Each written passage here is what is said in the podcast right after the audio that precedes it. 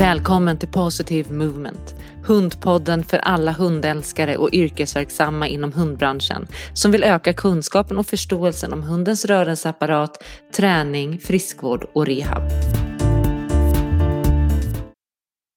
Då, eh, idag sitter jag här med Sara Vifor eh, som har Passout hundträning, passout.se på Instagram. Välkommen Sara!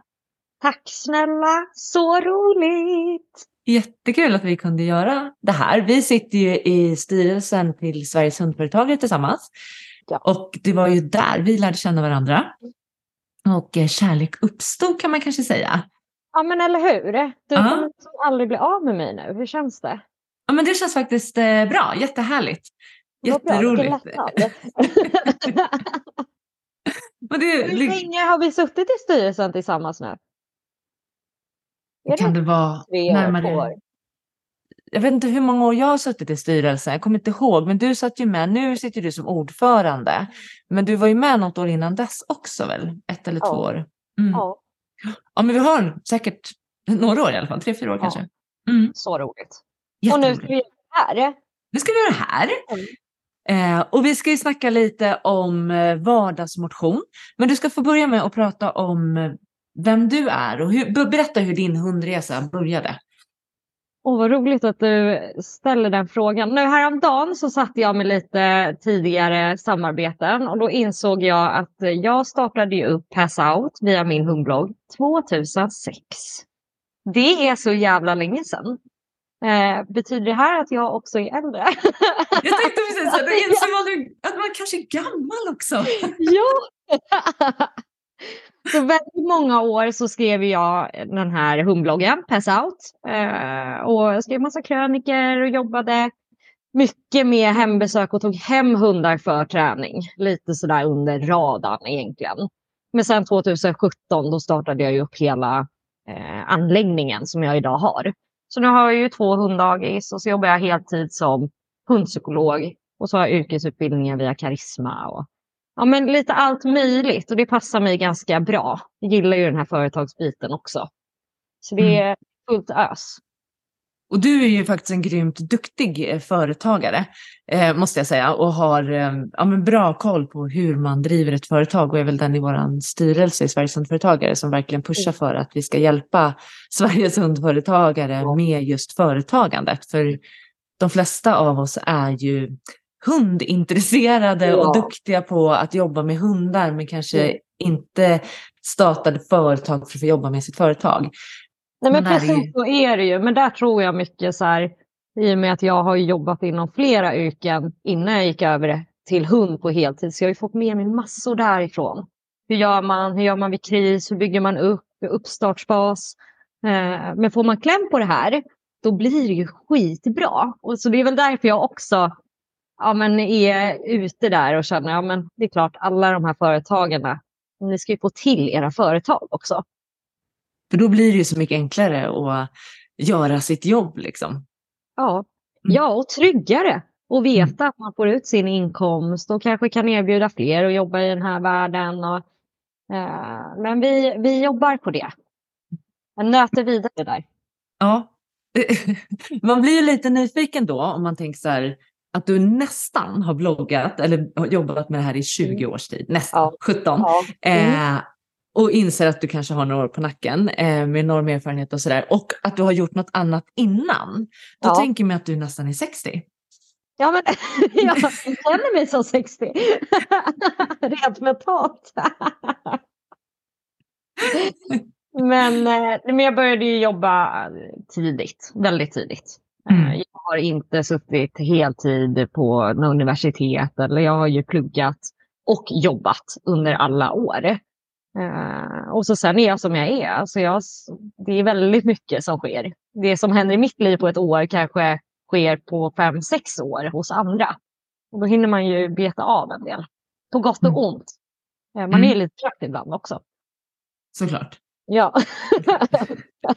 och, och så är väl många entreprenörer tänker att man, man har många gånger, eh, många saker på G samtidigt och många bollar i luften.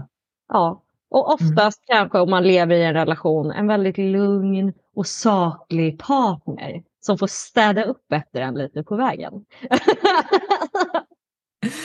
Hmm, menar du? Ja. Slår ett slag för min kribbe. men, men det är väl så det behöver vara, tänker jag. Att det finns en Ja. yin och yang och att man har någon balans. Liksom. Och även om man har en, en partner i sitt Mm. yrkesliv, att det finns en balans där också. Att, ja, Ja. men, eh, kanske någon gasar när den andra bromsar och vice versa. Och att man, det tror jag är jätte, jätteviktigt för Ja, att få det att är det. funka. Och för att man ska orka hålla i längden också. Verkligen, både på hemmaplan och i, i jobbet. Och det är lika viktigt Ja. oavsett vad man jobbar med, men att man har den där balansen hemma också. Att det finns en work-life balance och en life-life balance och en work-work Ja. balance. Mm. Och det är det här som är så roligt med tanke på vad vi ska prata om idag. För där Mm. tänker jag att vi ska tillsammans försöka hitta lösningar till den vanliga hundägaren. Det hoppas jag att vi kan landa i hur man ska hitta den där balansen. Men berätta, eh, för du jobbar ju jättemycket med problembeteenden. Ja. Eh, det, är, det är liksom baskundgruppen Ja. idag. Ja, eh, alltså jag tycker det är roligast. Jag kan absolut ha en lektion i detaljträning inför lydnad och eh, shaping och alla de bitarna. Men jag tycker nog det är lite roligare med den där arga rottisen. Alltså. Jag måste. jag tycker det är så häftigt med de här missförstådda individerna som kanske oftast lever liksom, i mycket stress och de blir inte hörda. Och de försöker ju tampa deras liv så gott de kan. Eh, och så blir det en miss i miljön. Och hur man kan få liksom, både hund och ägare mer på banan. I många fall handlar det om att ändra sitt förhållningssätt för att få helt andra resultat. Och jag tycker det är skithäftigt. Här bryter jag in för en liten triggervarning. Sara kommer att berätta om ett minne där hennes egen hund blev attackerad av andra hundar.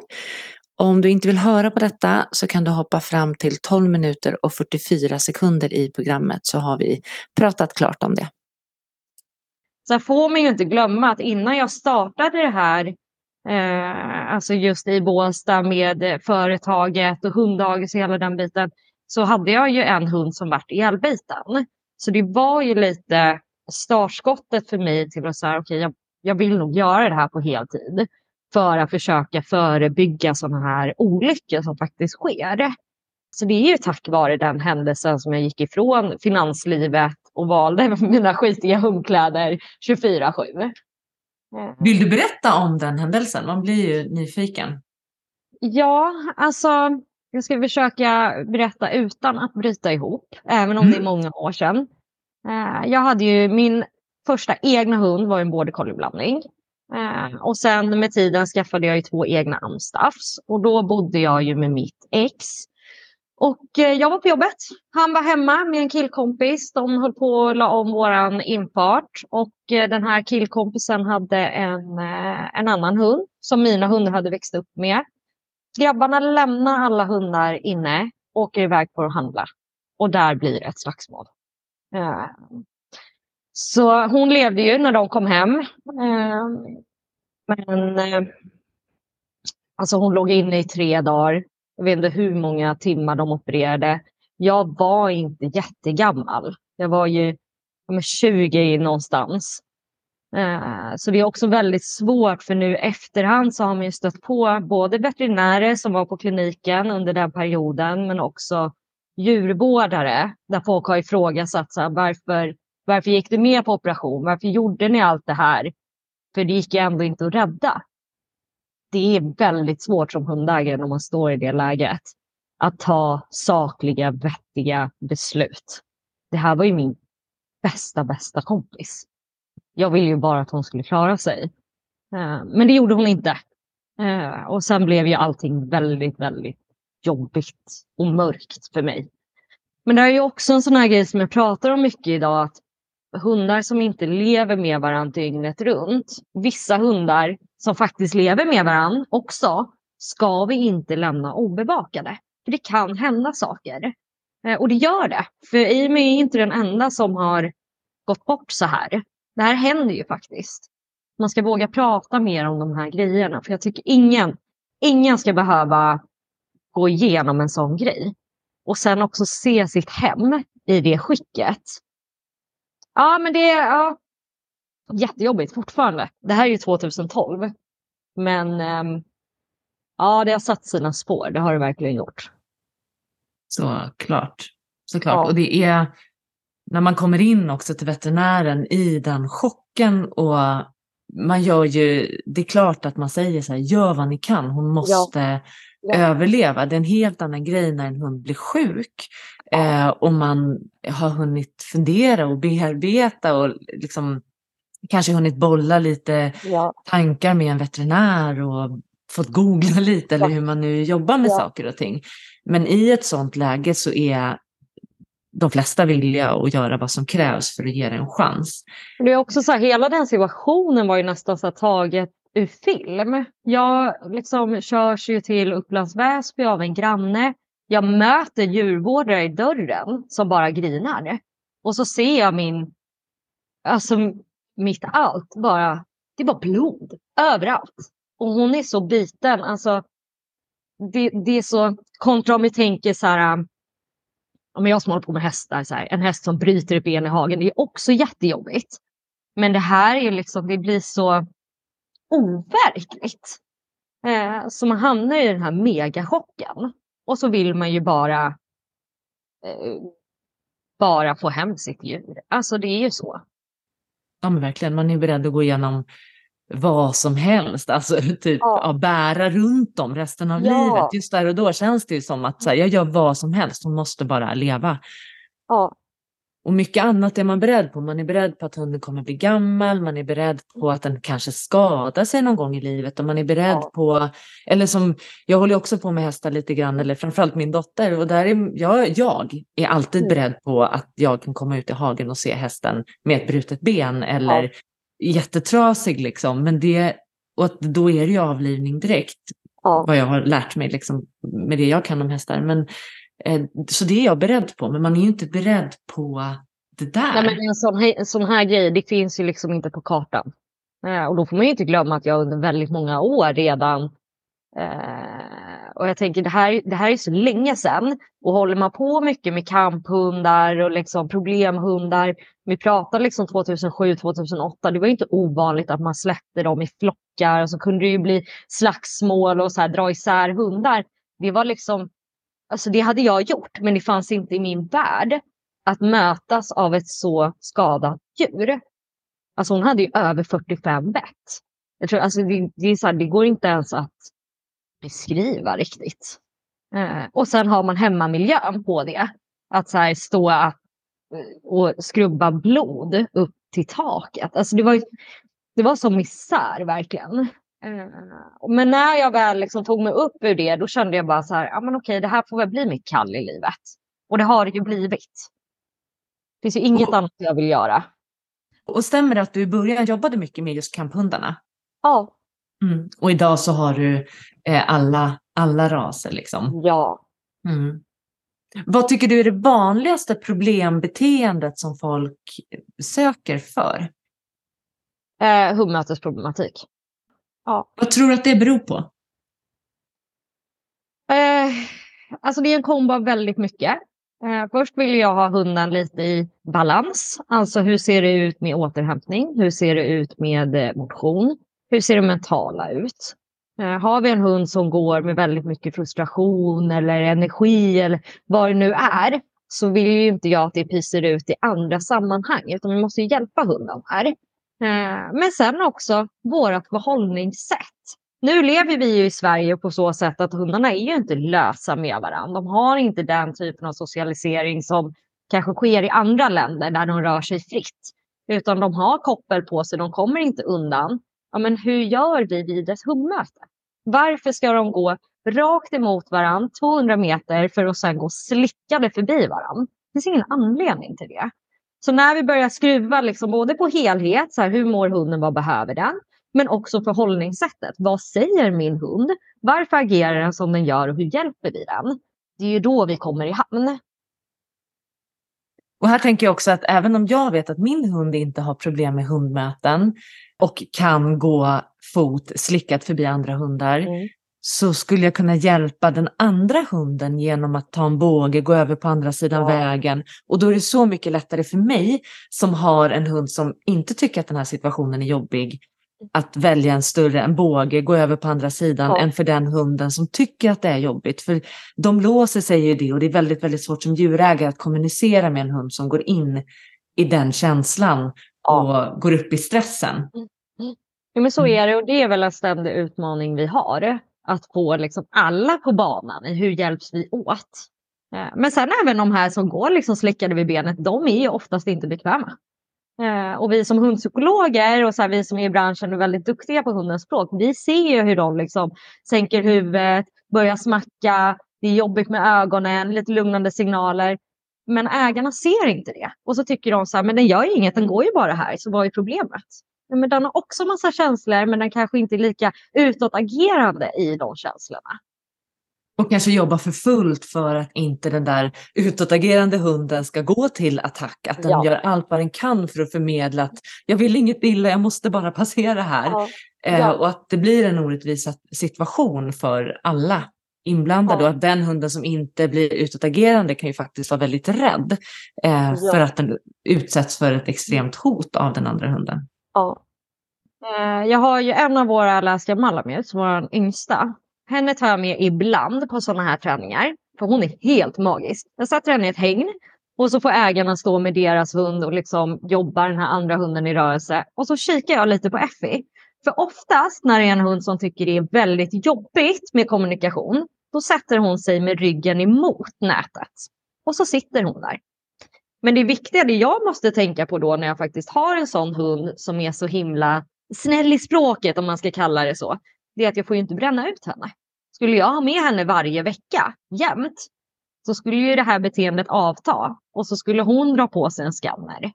För jag menar, bägaren blir ju full och det ska man ju också tänka på, till exempel vid hundmöten, att de kanske fixar tre bra möten. Ja, men gå hem sen. Avsluta där. För de måste få landa i sina känslor också att de klarar det. Så vi får inte bränna ut dem. Ja men precis och vara lite försiktig med hur vi miljötränar och socialiseringstränar. Och, eh, vi behöver inte ha perfekta hundar innan de är ett. Vi behöver ha trygga, stabila hundar innan de är ett. Liksom. Ja. De är ju inte vuxna förrän de är tre, fyra år. får vi inte Nej. glömma bort. Nej men precis, de behöver lite tid och, och mogna. Även om de är fysiskt kanske klara när de är ett till ett och ett halvt år Ja. så är det ju knoppen ska med kroppen. Ja. Det tar lite tid. Men du, ehm, sen tänker jag då, du pratade lite om det här med energier och att de måste få utlopp för att röra på sig. ja. Mm. Hur jobbar du med det? Alltså det här blir ju lite, här är samma sak, det blir lite knöligt. För i min värld, ibland vill jag bara säga så här, den här hunden måste få springa en, två gånger i veckan. Men så har vi en person som kanske bor mitt i Stockholm. Hur ska de bara hoppa på en cykel? Det går inte. Så först behöver jag ju se till vad har vi för miljö att jobba med. Och sen vad kan vi, vad kan vi väva in i den miljön? Eh, för det ska vara hållbart. För att det ska bli av, då kan det inte vara de här megaprojekten där folk tänker att ja, men det tar fyra timmar. För då kommer det inte, det, det kommer inte bli hållbart då. Det får vara en bonus. Eh, men det är det här jag tycker är så bra. För det ska, nu har vi ju liksom jag som hundpsykolog och alla mina idéer. Och så du som är proffs på liksom hundens kropp och hur vi ska tänka. Och få bolla lite. För jag Mm. pratar ju mycket med just de här som bor mer i stadsmiljö. Att kan de dra på en kedja? Kan de gå med en klövjeväska och jobba tungt sakta? För det är inte lika stresshöjande heller. Men hur, hur, vad säger du om det? Nej, men jag tänker att det är rätt, men jag tänker också att det fyller olika syften. Ja. Eh, om man ser ur ett, ett... För att kroppen ska fungera så Mm. behöver man ha fri rörelse. Att inte alltid, även om min hund inte drar i koppen när vi är ute och går, så är det inte fri rörelse. Den går alltid och förhåller sig till djurägaren och den anpassar sitt rörelsemönster och sitt tempo för att inte dra i kopplet då till exempel. Mm. Så några gånger i veckan behöver de få möjlighet till fri rörelse. Och det Ja. kan man ju kanske försöka få till med flexikoppel eller en långlina och sådär om man bor i en stadsmiljö. Och det man, en vanlig missuppfattning kan jag också uppleva är att man tror att hundarna behöver springa två timmar om dagen. Ja. Och så är det sällan, utan kan man kombinera med ja, men kanske kedja, alltså det är viktigt att de får jobba fysiskt och vissa Ja. raser har ju ett starkare behov av fysisk ansträngning än andra raser. Ja. Eh, men, men säg att man då kanske har kunnat gå med kedja eller gått med klövjeväska eller jobbat mycket styrketräning på en stock eller i skogen och sådär. Mm. Så kan, kan man sedan hitta 10-20 minuter med fri rörelse och gärna då, och nu är det jättesvårt för de som bor i, i stadsmiljöer, men där de kan springa fritt, helt fritt. Det kanske finns ett hägn på jag tänker på den tiden av året när inte kossorna går i hagar. Då Mm. kanske man kan fråga om man får låna en hage där hunden bara får röra sig fritt och springa och känna vinden i öronen. Eh, Ja. och bara få höra liksom. Det är så här romantiserat. Men jag tycker att jag har sett på mina horstar att det Ja. finns en så stark njutning när de kommer upp och börjar springa och springet kommer Ja. igång. ja. Eh, och att öronen fladdrar i vinden. Så ser jag på dem hur de bara tycker att det är så skönt att springa så fort de bara kan. Ja, Men Eh, så är det ju. Och jag menar vi mm. som kör drag med alla våra. ja. Alltså, jag älskar ju det när de liksom kommer upp i deras flås och så bara ligger de och tuggar där. Och de är så Ah. nöjda. mm. Ehm, men jag gillar ju också att köra djur. köra hund och köra häst. Köra med djuren. ja. Nej, Nej, men, och där, man behöver liksom inte vara ute i två timmar eller få till tre Nej. mil, utan för att hunden ska få den här fysiska tillfredsställelsen så Ja. räcker det med mycket, mycket kortare än vad vi tror. Och inte varje dag heller, utan gör vi det för mycket och för intensivt, då ökar risken till att vi bygger den här stressen istället. ja men så är det ju. Men för när jag tänker liksom den vanliga familjehunden. Då brukar jag prata om två gånger i veckan. Så vill jag Mm. att de får liksom jobba lite extra med kroppen. Och då ska det vara utöver de vanliga promenaderna. Eh, men så att man också håller det på en schysst nivå. Och så är det, är det så att vi jobbar stresshöjande, alltså att de springer, kommer upp i flås, då vill jag gärna ha en vilodag dagen efter. Så de får komma ner sig ordentligt. Mm. Eh, Men jag tänker att väldigt många vet inte hur de ska fysträna deras hundar. Och så försöker man väga upp det här med mer mentalt. Och det blir ju inte bra. För då blir de mentalt överstimulerade, fysiskt understimulerade. Och så har vi den där återhämtningen som svajar för ganska många hundar. Men viktmanschetter då? Där är jag lite kluven. Det Mm. går ju i trender. Vad Det säger går du? inte. eh, jag tänker allting som vi gör med våra hundar, oavsett om det är viktmanschetter eller drag eller klöv eller sådär, så Mm. behöver vi fråga varför. Det är liksom min favoritfråga. Varför? Kan vi besvara det på ett bra sätt? Då finns det kanske anledning att göra det. Men jag tycker att det är bättre att göra bra styrkeövningar Mm. där vi tränar de här bakbensmusklerna istället för att sätta på vikter. För ofta så vet vi väldigt lite om hur hunden mår i sin rörelseapparat. Och Ja. lite värk och smärta kan ju faktiskt vara en anledning till att hunden är väldigt aktiv eller väldigt stressad eller väldigt Mm. liksom, intensiv. Eh, och då kan vi ha bättre kontroll på vad som händer i kroppen om vi jobbar med styrketräning istället och stärker Ja. upp muskulaturen på ett, ett sätt som kanske kan vara lite mer skonsamt. Mm. För det som vi älskar att göra människor, det är att vi bara ger mer och mer och mer och mer och mer. Och till Ja. slut så går de och bär på vikter som kanske inte är, eh, som inte är funktionella Nej. längre. Och det finns ingen anledning till att ha ett sånt muskelberg. Det finns aldrig en sån anledning att ha den, alltså det fysmonstret. Nej. Ja, ja jo, det snygga Instagrambilder. Jag har ju varit sån, så det är därför jag också säger det här med viss ironi. Man vill ju ha kralliga kamphundar. Verkligen. Och, och det jag kan tycka att jag ser ibland, det är de här kralliga kamphundarna med snudd på undervikt istället. Eller liksom att de, är, att de inte har ett hälsosamt hull heller. För att man, ja, man, man kanske deffar dem eller att de ligger Ja. på lite men på det är väl som vanligt, så här, sunt förnuft och lite Mm. balans på det vi gör. Eh, Precis. men när det går till överdrift oavsett värld eh, så blir det ju lite tokigt. Eh, Det och det blir på hundarnas bekostnad. Mm. Och jag tänker att det finns ju väldigt mycket människor som styrketränar och jobbar med bodybuilding och sådär. Och gör gärna det. Det är upp Mm. till er.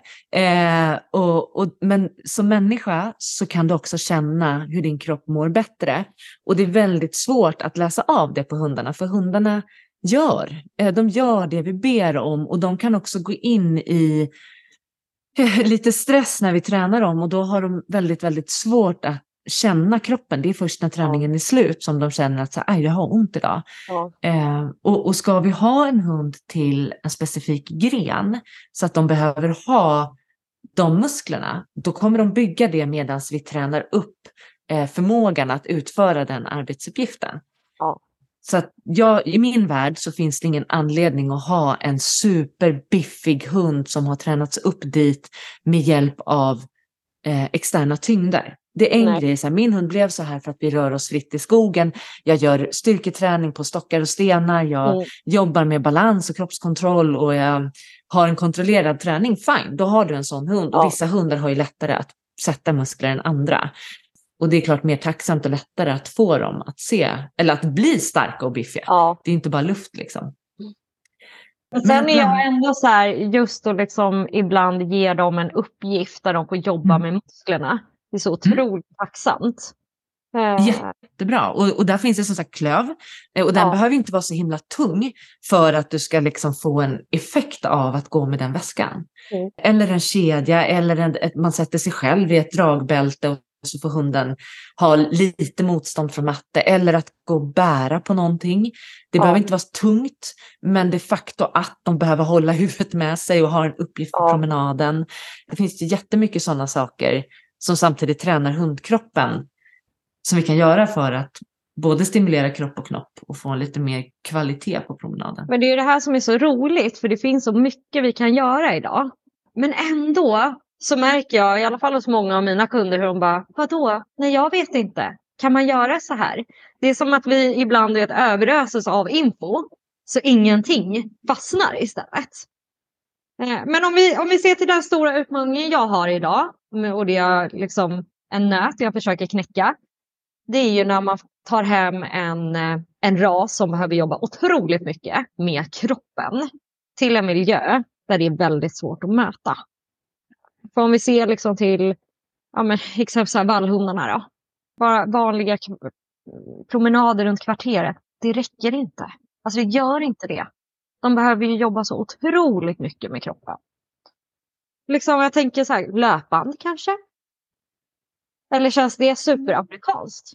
Det är lite amerikanskt, men jag tänker att ehm, jag har ju haft kunder ibland som har hört av sig och frågat så här, kan jag, kan jag skaffa löpband till min hund? Och då har det oftast varit för att de kanske har opererat knät eller Ja. att de själva inte har förmågan att motionera sin hund på ett bra sätt. Om man nu ska skaffa ett löpband så är det viktigt att skaffa ett löpband för hundar. För de Ja. som vi köper till människor är för korta. Mm. Eh, så hundlöpbanden är mycket, mycket längre och har vi för korta löpband då kommer inte hunden kunna ta ut sitt steg ordentligt. Och det vi ska komma ihåg när hunden jobbar på ett löpband, det finns inte så himla mycket forskning på, på liksom vad som händer över tid, eh, men det blir en väldigt monoton rörelse.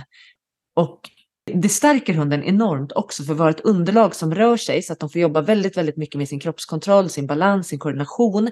Och det Ja. är ett roligt sätt att jobba med olika tempoväxlingar och vi kan lägga lite motstånd på hunden. Jag använder det jättemycket inom rehab för att träna upp Ja. stegteknik och proprioception och sådär. Så ska man skaffa det, skaffa ett med kvalitet. Men så tänker jag också att det är väldigt, väldigt stor risk att en hund blir stressad av det. Så Ja. tillvänjningen är ju superviktigt, att man inte håller fast och låser fast dem, utan att det faktiskt Mm. sker av egen fri vilja. Ja. Och skillnaden där på fri vilja kontra att de går in i en springstress. Mm.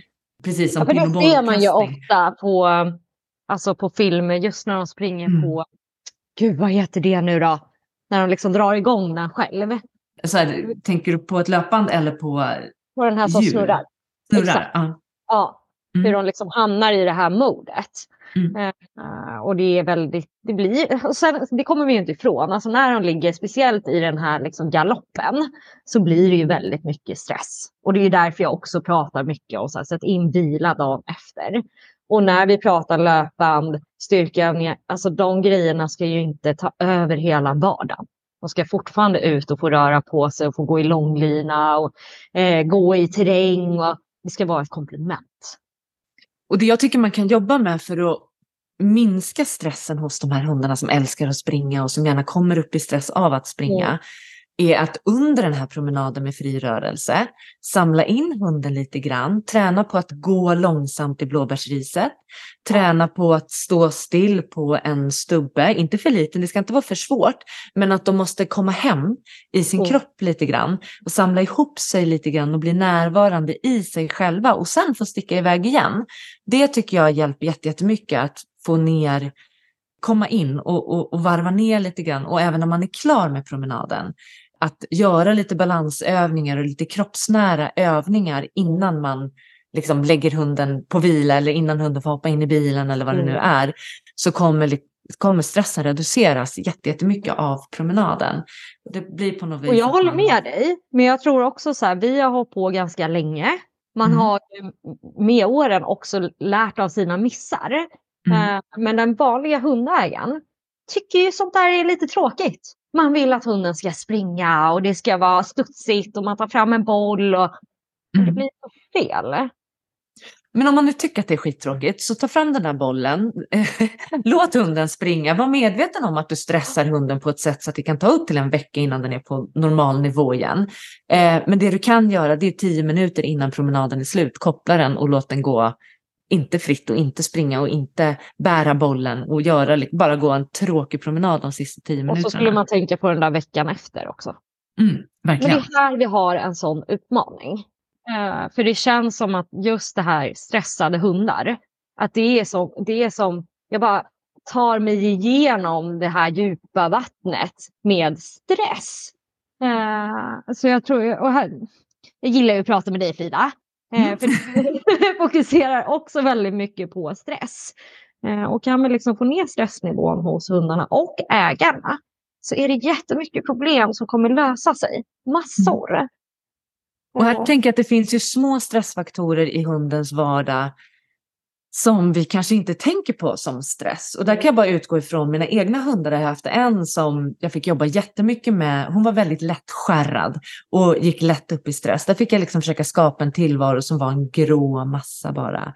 Och, och um, försöka att undvika saker som stressade henne. Och sen har jag haft en hund som hon blev inte lättskärrad, hon var rätt cool egentligen. Men vardagliga saker som att hon skulle få frukost, stress. Ja. Eh, ja. Att hon skulle få middag, stress. Att, ja. att vi liksom eh, skulle träna någonting och det kom fram godis, stress. Ja. Eh, så att hon hade ju kanske inte så skyhöga stresspåslag, men ändå stresspåslag minst två, tre gånger om dagen. Och sen kanske det var promenader och så hände det någonting någon gång. Och det där var hennes liksom vardag. Och sen så på det så gick man en hundkurs eller var ute och jagade eller gjorde någon träning som stressade henne eller Sådär. Och ett vanligt mönster i den vanliga familjehunden är väl kanske att så ser deras vardag ut också. Sen kommer ja. äntligen helgen och då passar man på att göra något med hunden. Ja. Och så har man gjort jättemycket i veckan men äntligen så kommer hunden, så då, då gör vi, går vi långpromenad och så får hunden vara lite lös och så leker med hundkompisar. Mm. Så det blir liksom, man tror att den här torsdagen när vi inte gick på hundkurs är en återhämtningsdag. Men det är inte det, för hunden har gått upp i varv för att den fick mat två gånger eh, och den hade ett möte på kissrundan. Och, så att vi behöver verkligen fundera på hur vilodagarna ser ut. Hur ser möjligheten till återhämtning ut? Ja. Eh, och för mig har det varit... Också så här, för oss alla. Men, många av oss är jävligt stressade i vår mm. vardag. Mm. Eh, och det är klart att det går ut över barn och hundar och nej, men alla. Mm. Uh, hur, uh, nu kommer vi in på ett riktigt så här sidospår, men hur gör vi så att vi alla kan få dra ner på tempot lite? Mitt bästa tips är när det är dåligt väder. Ja. Då tar du hunden, kryper upp i soffan och kollar på en film. Ja. Mm. Netflix-dagar och pizza. Netflix-dagar. Och det är helt okej. Okay. Och hunden kommer uppskatta de dagarna mer än dagen på Brukshundsklubben. Ja. Och det är så viktigt för själva relationen med hunden också. Den ska vara mer än bara lydig. Relationen grundar sig så mycket mer än att man kan tusen tricks. Liksom. Ja. Frida, fem, fem minuters kvällsgos. Ja. Jag måste bara, vänta. Ja. Nej. Ja. Men gud, hon ligger ju och skäller i sömnen. Går det bra? Ja. ja, men du kan gå och lägga dig. Gå och lägg dig. Så, jag tror kusten är klar. Bra styrt, Sara. Ja, men eller hur? Ja. Nej, men fem minuters kvällsmys kanske inte alltid räcker för alla hundar. Eh, och jag tror att hundarna också ibland lider av anknytningsproblem och, och trust issues med sina ägare. Vi pratar ju mycket om det här med social stress. Mm. Eh, och det ser vi ju både på manssidan men också väldigt tydligt i vissa relationer till ens hund.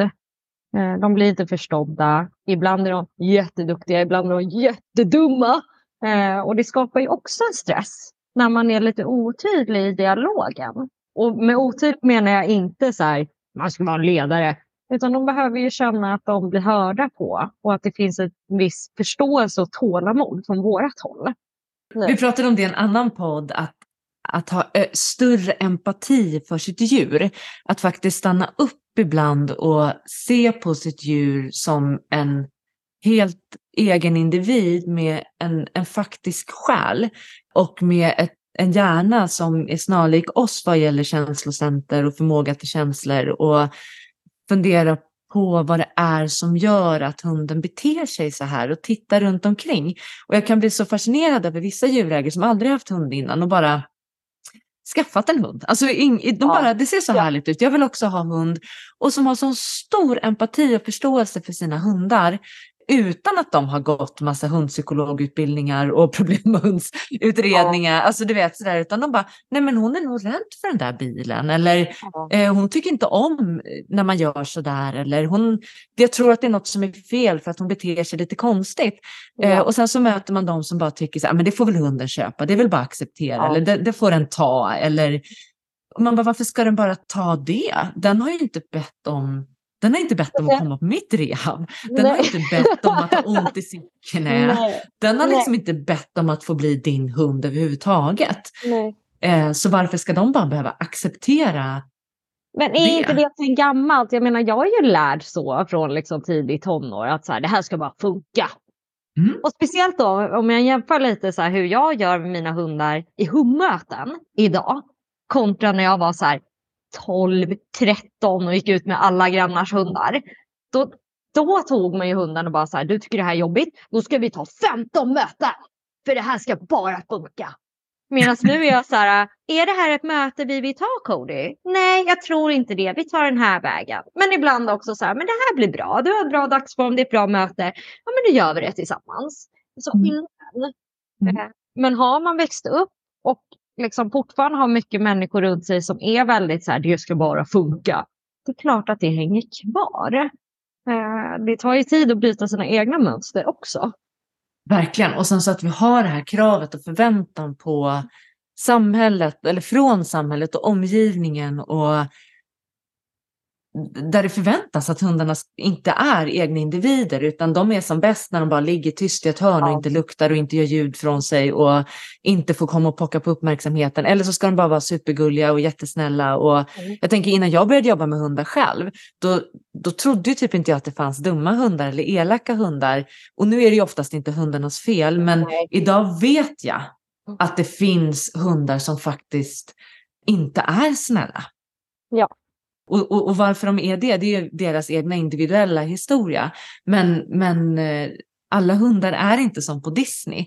Nej. Men, men samhället Nej, förväntar sig att de... Exakt! Den romantiserade bilden av hund. Och jag mm. tänker lite som min hane.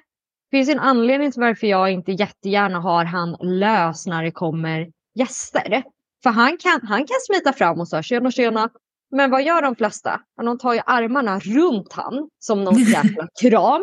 Eller handen rakt på huvudet och han är, har ju också bara ett öga. Och så är ju han redan så här, det här är mina zoner, man får inte ta på honom hur som helst. Och då slutar det ju alltid med att han kommer in och säger hej. Och så blir det lite fel svar från människan. Och då morrar han och då blir det ett jävla liv. Medan jag bara så här, ah, det, alltså, han, vill ju, han vill göra det här på sitt sätt. Men tillbaka till, de flesta har ju den här romantiserade bilden. Mm. Och då om det är någon bekant som kommer över till mig, då tänker ju många så här, ja, hon är hundpsykolog, så hennes hundar är superlydiga och supersnälla och ska klara av allt. Och det gör de inte. Eh, och då blir det att jag som nu då, så här, verkligen väljer vilka situationer jag vill sätta honom i. Eh, för vi har den här okunskapen runt oss. Mm.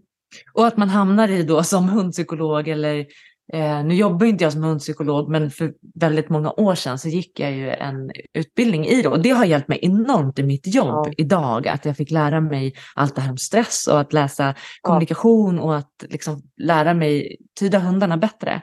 Men det gör ju kanske också då att man väljer, man ser så här, du tyckte inte om det här, då behöver du inte vara med ja. om det. Jag har insett att jag behöver skydda mina hundar från andra människor.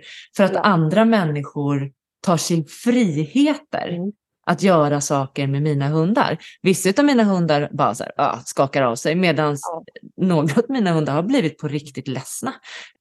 Och, och, och, det har jag sett på dem. Och de har hanterat det på ett sätt som inte människor tycker är okej. En, en person eh, tog fram en soptunna och min hund, den hunden var inget matig hund alls, men väldigt, väldigt nyfiken. Mm. Och hos oss har hon alltid fått så här, kolla vad som finns i soporna, men hon har aldrig tagit.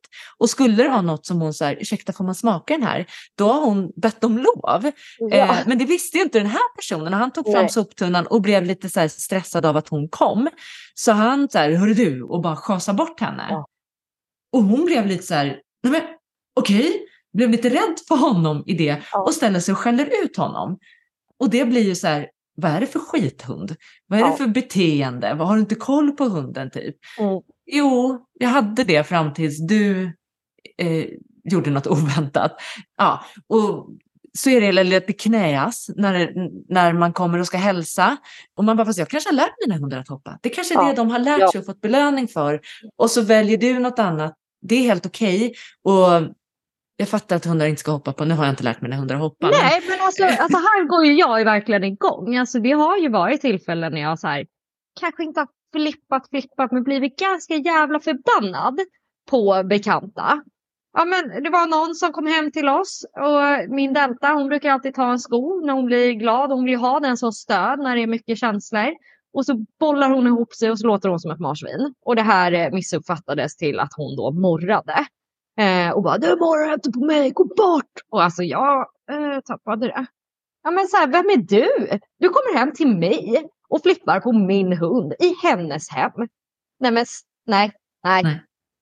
Absolut inte. Och om man nu är en person som möter en hund där man, i ditt hem, då är det ju mycket, mycket bättre att, eller vilken situation det än är, om det kommer en hund och hoppar på en eller om det kommer ja. en hund och man upplever att den här hunden morrar åt mig, vänd dig till djurägaren och säg jag vill inte att din hund hoppar på mig. Eller jag ja. tycker att den här situationen är läskig. Eller jag, jag morrar din hund på mig nu. Eller alltså uttryck ja. det. Eh, för det finns, man kan liksom inte gå in och gå in, det finns ingen relation att bygga på, så därför kan man inte gå in och tycka att man ska visa vem som bestämmer eller sätta regler. För det, det, skulle inte funka för mig heller om det kliver in någon i mitt hem och bara fan, har du en ljusstake här eller? Ja, eh, ja det har jag. Alltså det, det, den personen, den, vår relation skulle vara död. Ja. You lost ja. me at hello. Skulle Men sen så känner jag så här, för det har jag verkligen lärt mig med åldern. Att så här, på samma sätt som jag har faktiskt en hel del krav på vilka som är som får komma hem till mig. Eh, är det så att jag skulle ha med en hund hem till någon annan så har jag gärna den i koppel vid mig. Mm. Eh, för där är det ju på samma sätt som att vi har våra regler och vårt sätt att förhålla oss till hemma hos mig så behöver jag också anpassa mig när jag kommer hem till någon annan. Men som sagt, det här har jag lärt mig med åren. Så var jag inte när jag var 19. Då var det så, tjena här är jag och mina hundar, woo! Eh, kaos. Men eh, nu för tiden är jag lite så här, nej men folk kanske inte vill ha de där tassarna uppe i soffan. Eh, men det var inte liksom livet och omkretsen eh, annorlunda när du var 19 kontra nu? Alltså när man var 19 då bodde folk i någon lägenhet och det, eh, man hade inte familj och dyra vaser Nej. och designsoffor på samma sätt som nu när vi är vuxna. Ja. Eh, Nej så är det ju. det är Så andra är det. hem man kommer hem i också. Ja, fast jag tror ändå så här, det har nog eh, våra draghundar lärt mig på något sätt. För Ja. hundarna jag hade innan, där, där visste jag så här, de släppte in andra hundar. Det var inga konstigheter. Eh, och då antog jag att det inte ska vara några konstigheter hos andra.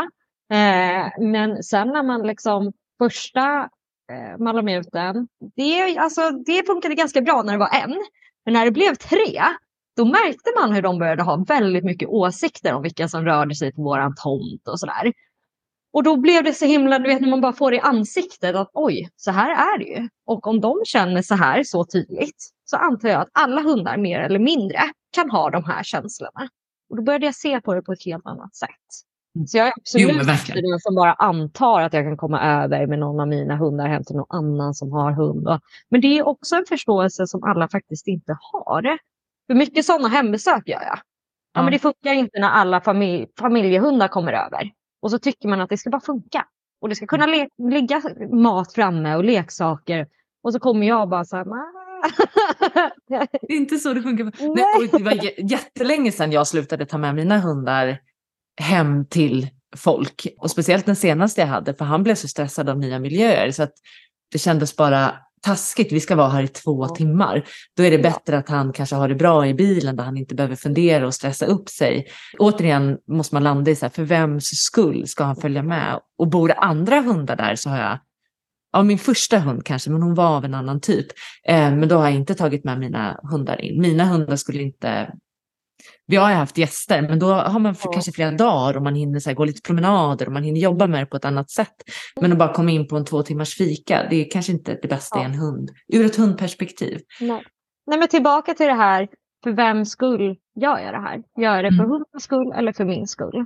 Mm. Eh, och det är en viktig fråga att ha med sig i väldigt många val som man gör. Eh, men varför- som sagt, det är draghundarna som snällt har eh, kastat mig ner på den banan. Men man kan också ställa frågan, för vem skull måste det funka då? Eller Ja. för vem skull liksom gör jag de här... Och det kan jag tycka många gånger när vi jobbar med, om vi tänker fysiskt också, att när vi jobbar Ja. med benviktsmanschetter eller lär 10 000 tricks eller håller på med hundsporter ibland. För vems skull? Ja. För vems skull gör vi det? Är det Ja. på riktigt för hundens skull eller är det för våra egon? Och skulle man vara helt ärlig så är det ju kanske oftast våra egon som styr vilka hundsporter vi väljer eller i vilken nivå vi väljer att göra det på. Ja. Och speciellt de här lite fartfyllda hundsporterna där ofta så drivs ju hunden av stress mer än Ja. av genuin motivation och glädje. Ja. Och det är väldigt svårt att se skillnaden. ja, det är det. Det är det Mm. verkligen. Eh, och när vi pratar om de här fartfyllda sporterna, där behöver vi ju få upp dem på en viss skärpa i stress för att få lite snabbare svar och för att de ska orka. Eh, men tillbaka till, då jobbar vi med stress och vi måste vara medvetna kring det. Idag är det jättemycket stress. Hur lägger jag upp resten av veckan? Mm. Kanske inte kan göra just den här träningen fyra gånger i veckan, utan en gång eller Mm. två. Men då ska ju resten av vardagen handla om hur parerar jag upp hunden så att den både klarar av det vi ska göra men också kommer ner i varv efter det. Där tycker jag, där vill jag slå ett slag för liksom draghundsvärlden för där pratar man ju väldigt mycket om det. Så, ja, men okej, när de springer, hur, hur jobbar vi med återhämtningen? Det är okej att ha en vilodag där de bara är ute och tar det lugnt för att de ska orka med det här andra.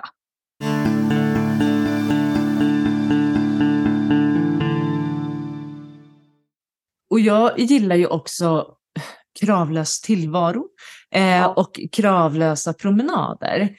Eh, att vi inte alltid behöver ha vi behöver göra en grov plan och vi behöver som du säger här, planera in våra stresspåslag och våra, Ja. våra återhämtningsdagar och men lägga en lite, precis som vi kanske kollar igenom vår vecka. Eh, vi, I vår familj, så här, när är det bad för barnen? Vad är det för gympa? Vem har hockey? När ska vi rida? Eh, vad har mamman för träning? Vad har pappan för träning? Vad har vi mer för grejer som händer? Att vi gör en, en grov plan på, på familjens vecka. Och också då så här, okej okay, den här veckan blir intensiv, då, då kör vi söndagen då, vi startar inte ens bilen, vi är bara hemma liksom. Mm. Eller om vi vet att så här, den här helgen ska vi bort, ja men då får vi dra ner på aktiviteter på veckan liksom. Och mm. när, när hinner mamman och pappan med att vara Eh, när, när får, hinner vi prata och vara liksom, ja. hämta hem varandra? Att allt det ska få plats. Liksom. Och när finns det utrymme för barnen att bara vara i en kravlös tillvaro? När har de möjlighet att bara sitta och leka med lego eller pyssla? Mm. Eller finns det utrymme för det? Eh, och likaså lägga upp hundens vecka, planera ja. in hunden i det här. För får vi gäster så får hunden också gäster. Ja.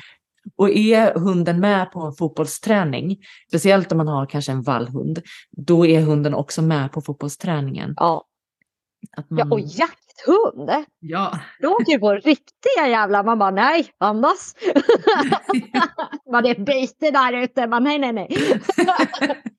Bara fotboll. och där kan jag bli så himla fascinerad över när jag ser jakthundar i stan. Ja. Eh, kanske inte, när jag åker in till stan, då åker jag inte till Östersund, men det händer att jag är i Stockholm ibland. Ibland ser jag jakthundar där supersnygga, Weimaraner verkar vara en, en trendig ja. ras att äga. Eh, och de är otroligt vackra att titta på, men de går ju som om de håller på att explodera. Hade man släppt dem så hade de bara tryckt ifrån de där massiva bakbenen och sprungit tills ingen någonsin hittar dem igen. Eh, eller bara kört sina cirklar på Östermalm. På plattan.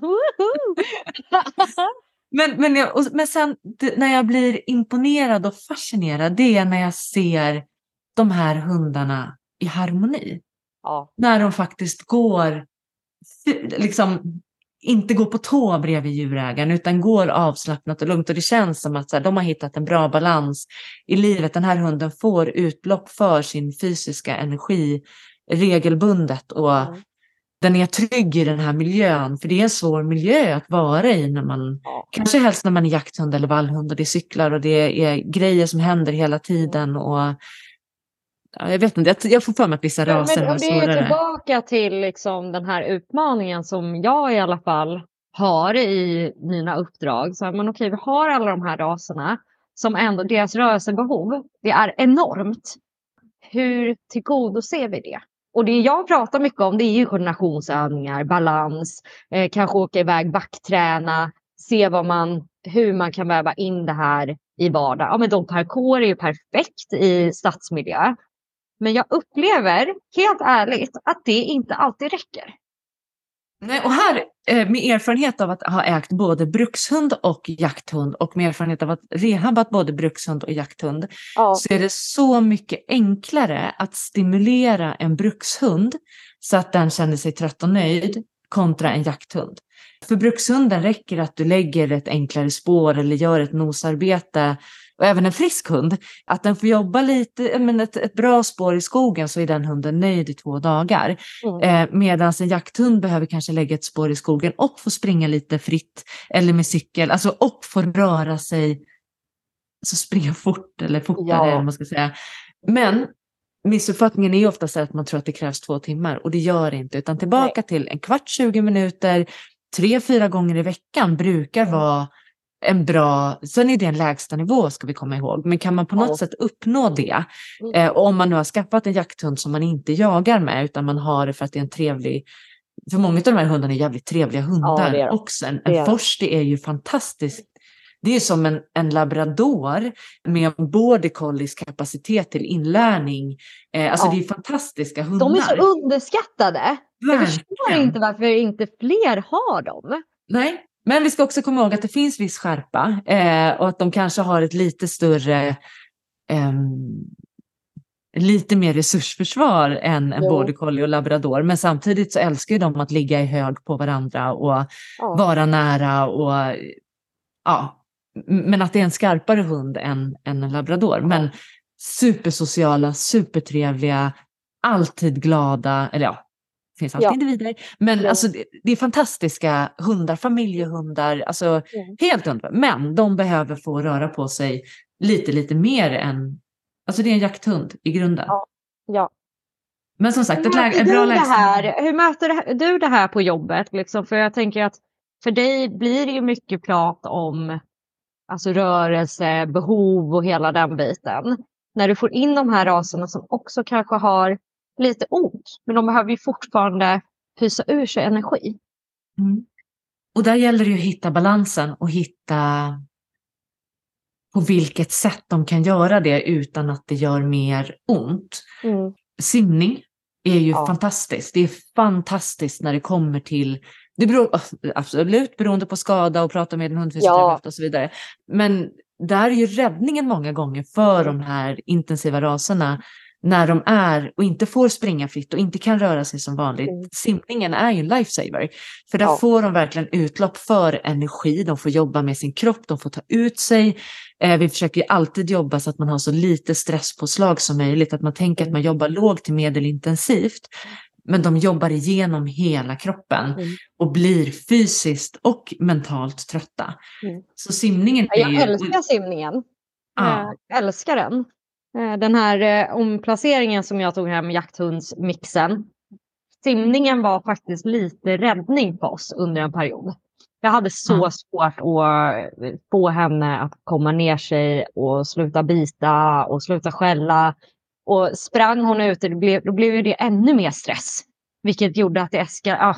Och, men där, jag körde mycket simning med henne en period. Mm. Mm. Och då är ju inte hon skadad. Utan hon behövde bara få jobba utan att gå upp i varv i en väldigt lugn miljö.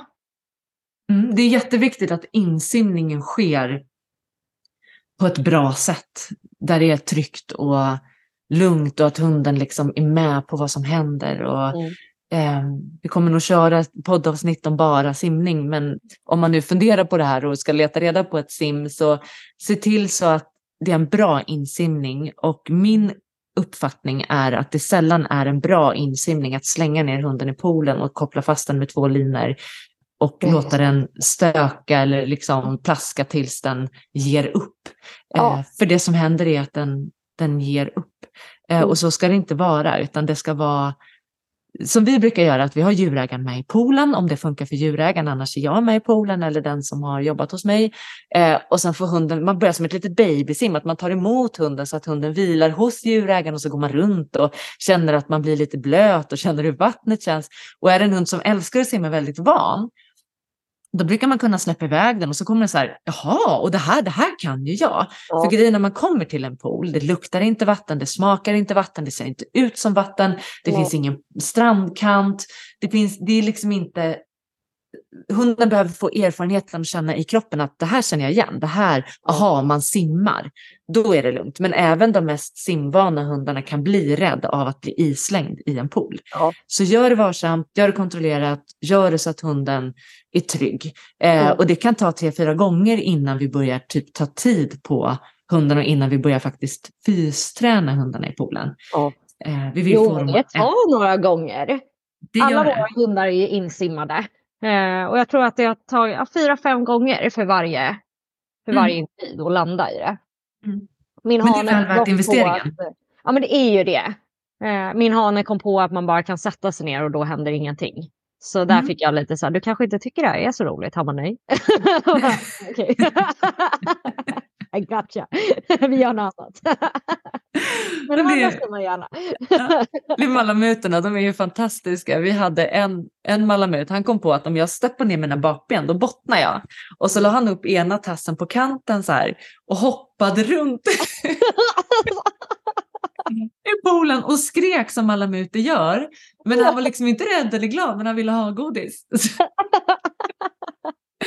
Det var så jäkla roligt. Och så De malamuterna, det, så mycket, alltså de Ah. är ju det, men de har så mycket åsikter. Ja. Och det är ju så här, jag har ju också jävligt mycket åsikter. Så, men man, ja, man lär sig otroligt mycket av den typen av hund. Ja. Det kan vara lite tålamodskrävande ibland. Verkligen, och trixigt. Och vi har fått försöka så här, okej, men du får inte godis när du står och hänger på kanten utan du måste simma och han bara åh okej, tar två simtag och sen bara hänger på kanten och skriker så högt så att man liksom typ vill ge honom godis för att han ska bli tyst.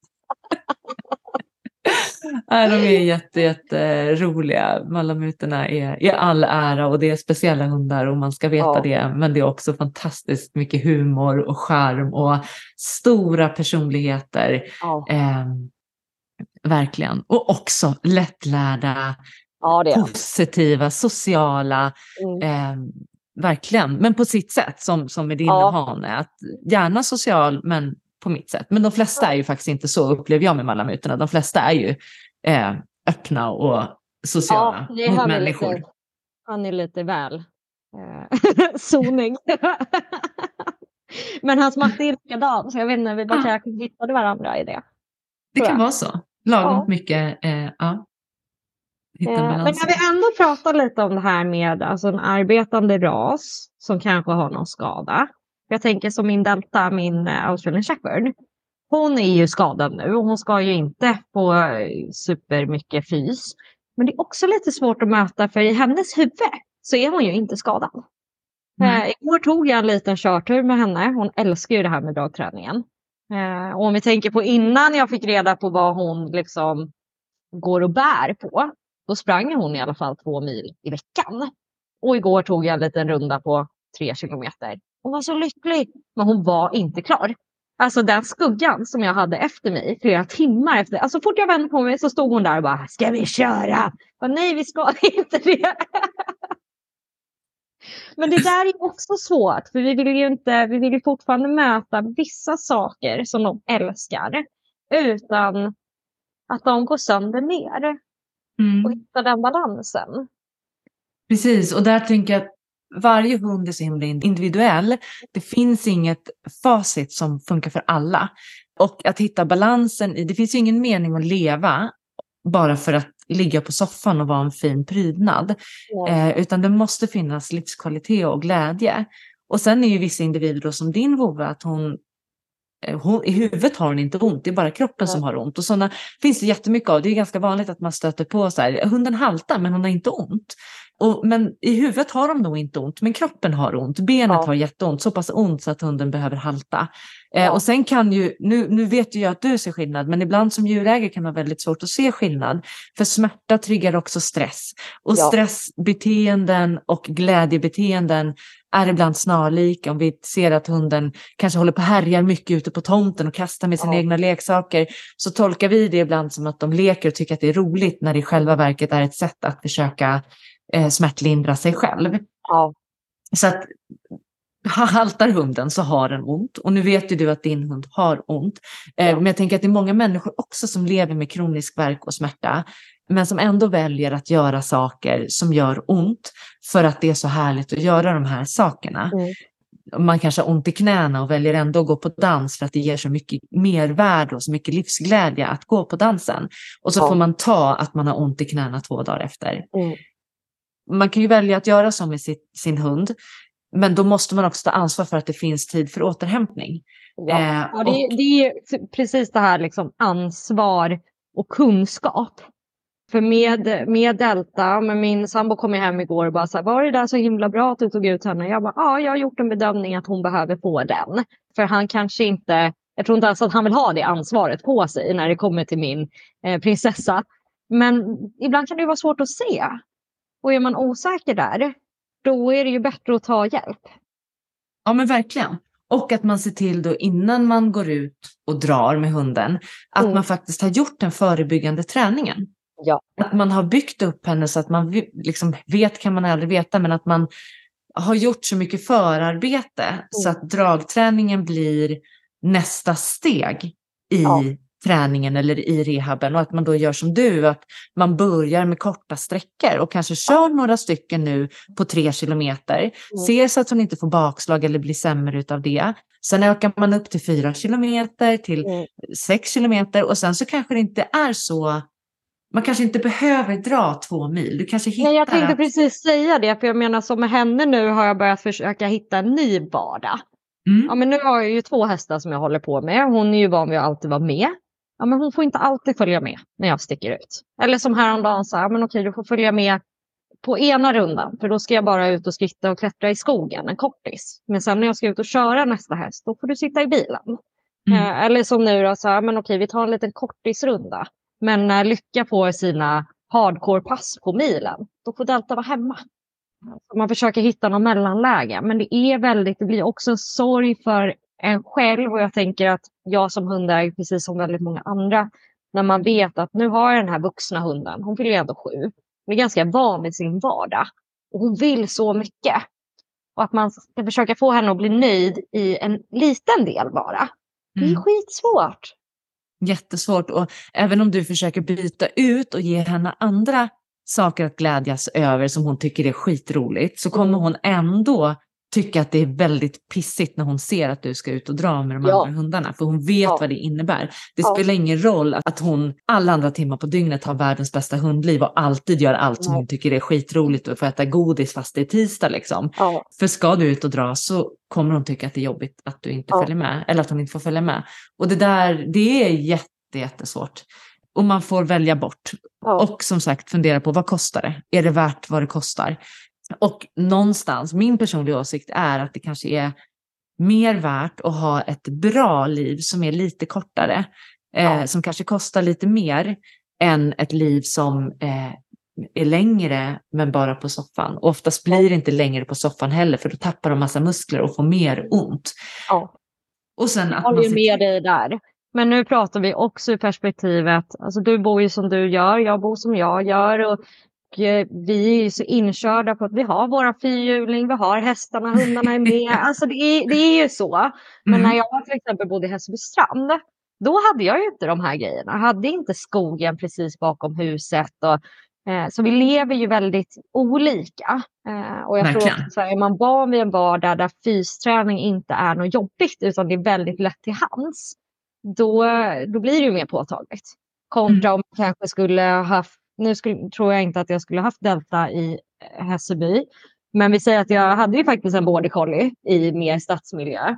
Eh, och då var det ju den här långsamma fysen. Men jag, jag tänker att eh, när man bor i stadsmiljö eh, och har sällskapshundar, då tror jag att mm. man ska skippa begreppet fysträning och kalla det vardagsmotion. För det är det vi i så fall gör med våra hundar och behöver göra mer. Och, och då är det lättare att hitta möjligheterna i sådana miljöer. För då kan vi, i alla städer så finns det planerade grönområden. Ja. Eh, och försöka ta sig till dem några gånger i veckan och jobba, gå utanför stigen, jobba i, lite liksom i skogsdungen, gå där det är lite löv och där det är, jag vet att det finns fästingar, eh, men gör vad man kan ja. liksom, för att försöka få hunden att använda sina ben och lyfta på kroppen. Sök efter att gå på mjuka underlag. Många gånger så är det en cykelväg och sen så är det jättemycket gräsmatta bredvid. Ja. Gå på gräsmattan för att, för att liksom få hunden att jobba lite mer och slita mindre på lederna. Fördelen när man bor i en tillrättalagd miljö det är ju att man har elljusspår och mjuka fina ja. stigar. Man kanske kan cykla med sina hundar där. Man kan, man jag, kan... Måste, jag måste bara inflika en grej där. Ja. Jag älskar ju alla som eh, är ute och cyklar och så. Men vid möten stanna, håll i hunden. Ja. Jag har så mycket case där folk har varit ute och cyklat med hundarna och så vid ett möte så får de omriktade beteenden och biter någon i benet. Alltid, yes. alltid, alltid stanna, hålla i hunden. Ja, även om man bara möter en människa menar du? Ja, att det inte ja. behöver vara. Ja. Och är det andra hundar som är ute och går i spåret, håll era hundar som ni är ute och drar med, speciellt om man kanske har en ras med mycket jakt i sig. Mm. Eh, det, det, behöver inte vara eh, liksom, rena jakthundar eller de som vi köper för att jaga, utan även alltså, terrier. Eh, ja. Draghundar, de har mycket jakt i, så är de då ute och springer så är det så lätt att de tror att en liten hund är en hare. Ja. Ja. ja. eller ett barns fotboll. Eh, eller liksom att det, det stanna, håll i, eh, ja. skapa avstånd. Absolut. Mm. sen vet jag att vissa är så här, man får inte ha hundar i spåret och att människor stör sig på hundar i spåret. Men om man tydligt visar respekt och hänsyn så går det förmodligen bättre. Och visst att träningen blir lite upphackad, men för de hundarna som går upp i stress så är inte det jättedåligt. Jag tänkte precis säga det, att det är faktiskt ganska bra. Och mm. För det blir att man lägger in pauser. Yes. Eh, och det behöver man göra mer av i en miljö som är lite stimmig. Verkligen. Och i stadsmiljöer så kan jag kan i alla fall titta avundsjukt på stadsmiljöer som har de här hundhägnen och som har möjlighet. Och visst att de inte är superstora, men det är tillräckligt stort för att hunden ska kunna röra sig fritt i varierad terräng 20 minuter. Ja, så får man ju Det- stå vid den här grinden. För det jag kan känna lite i liksom de här hundraskådarna, det är att väldigt många tycker att det är bara att slänga in en annan hund. Och det är inte det. Det är oschysst mot hunden som är där inne. Mm. Eh, Vi sätter dem i massa situationer som de inte ska behöva tackla. Så då får man stå som en sur grindvakt. Har jag gjort några gånger. Säga, jag är snart klar. Eller får jag bara koppla min hund? Du får vänta. Sätt upp en lapp. Eh, Jag fick, eller jag, jag fick erfarenheten av en granne en gång när jag kom med min goa glada hund som aldrig hade problem med hundmöten och sprang liksom inte fram till hundar som inte ville bli hälsade på. Så, så hon var lös. Han stod med sina två hundar kopplade. De hade inga problem med hundmöten heller. Han ville bara inte att hans hundar skulle tro att man hälsar på folk eh, Ja. eller andra hundar. Så han säger så här, mina hundar har rävskabb. ja. jag var okej, got the message. Så då, då, då tog jag min hund därifrån så att inte hon skulle gå fram till dem. Ja. Eh, och, och då tänker jag att det kan man ju faktiskt sätta en lapp. Här inne finns en aggressiv hund.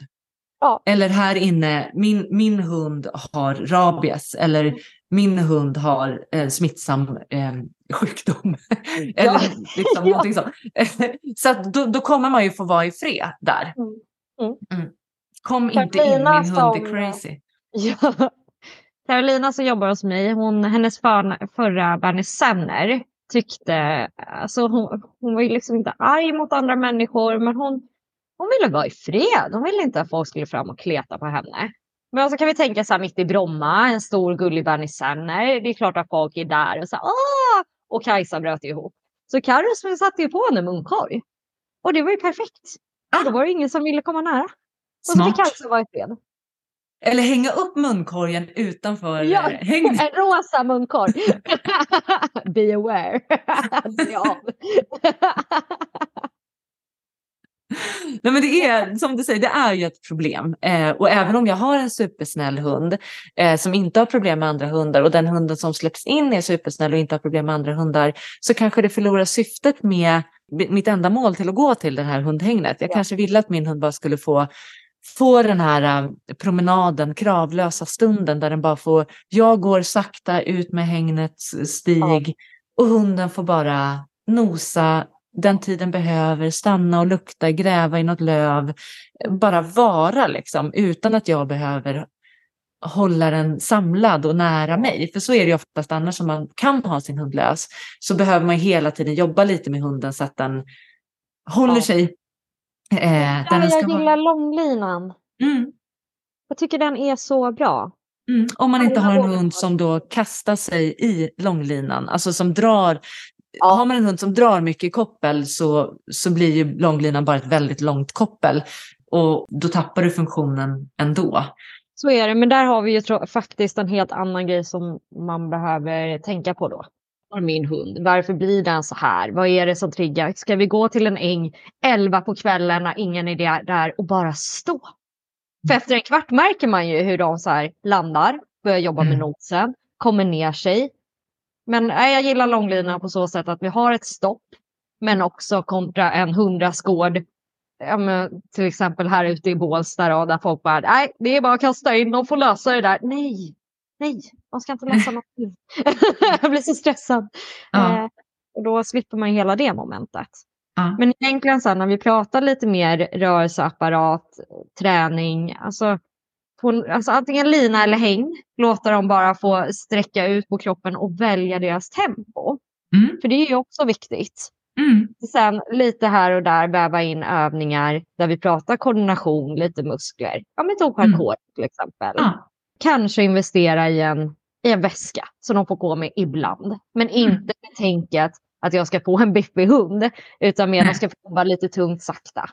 Jobba lite med sin hållning kanske och Ja, veta att de har något på sin kropp eller att Ja. de jobbar med sin kropp på ett annat sätt. Och även om vi har hundar då eh, som tycker om att bära. Låt Mm. dem bära en vante. Men bärningen, eller bärandet heter det kanske, tycker jag kan bli lika problematiskt som pin och bollkastning. Att det kan bli en stress för dem att de bara vill Ja. gå och bära hela tiden. Så med, eh, med lite obs på det.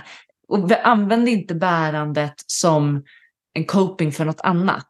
Nej. För det säger jag ibland, så, oh, men hon tycker inte om hundmöten så den får bära något så kan den Ja. hålla kontroll på sig själv. Nödfall, absolut jätte, Mm. jättebra. Men det är inte det de ska lära sig, att man bär på saker i hundmöten. Det tar inte bort känslan för Men- hunden. Nej, exakt. Jag tänker också att det är en krishantering. Men Mm. vi har inte jobbat med känslotillståndet på något sätt.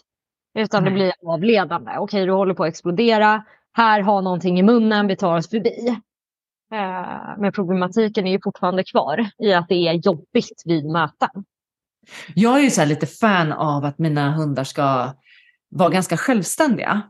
Eh, Målet är också att de ska kunna vara lösa och det betyder Ja. att de ska kunna komma på inkallning, eh, att de ska kunna stanna, eh, Mm. att de ska, för, för det handlar ju liksom om säkerhet både Ja. för dem och för andra och, och, och att det ska funka bra med hundmöten men också att man ska kunna gå trevligt i koppel.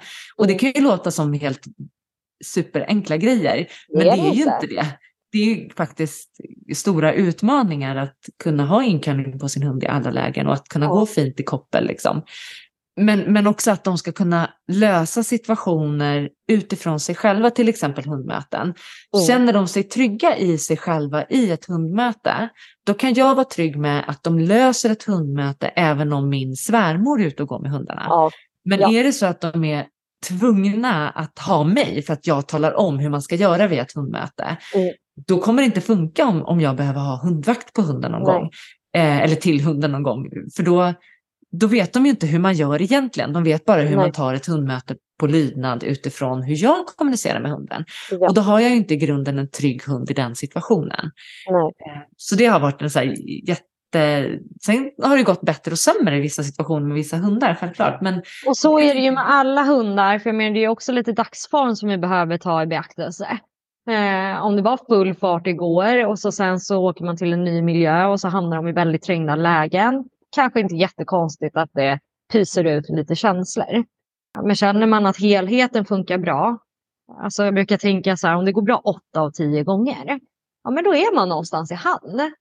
Men det här som du pratar om, den målsättningen, jag tror inte folk förstår hur lång tid och hur mycket jobb som krävs för att, för att de här sakerna ska funka. Det är nej. ett jäkla nötande. Och det är ju i små vardagssituationer också, Ja. för vi har ju en tendens att hela tiden tala om för hunden vad den ska göra och vart den ska befinna sig och Mm. vart den ska stå och hur den ska sitta och flytta på. Alltså att vi, vi är ju där och, och jobbar med micromanagement hela tiden och det, är ju, det kapar ju lite grann den egna förmågan. Liksom. Men sen också det här liksom agera rätt eller vad man ska säga i en krissituation. Jag tar ett exempel. På vår framsida där vi har våra bilar, där har vi ingen staket. Eh, och ibland släpper jag ut just den här vallhunden och omplaceringen på framsidan när jag ska ta ut dem till bilen. Och så häromdagen då jag öppnar dörren, de sticker iväg som två små så här, woho, nu ska vi till bilen. Och så ser jag att eh, det är fasaner överallt. Alltså bara fåglar överallt. Och jag bara, fan. så har vi ju den här jakthundsmixen som jag kämpar med med inkallningen. Så hon får ju span och börjar springa emot den.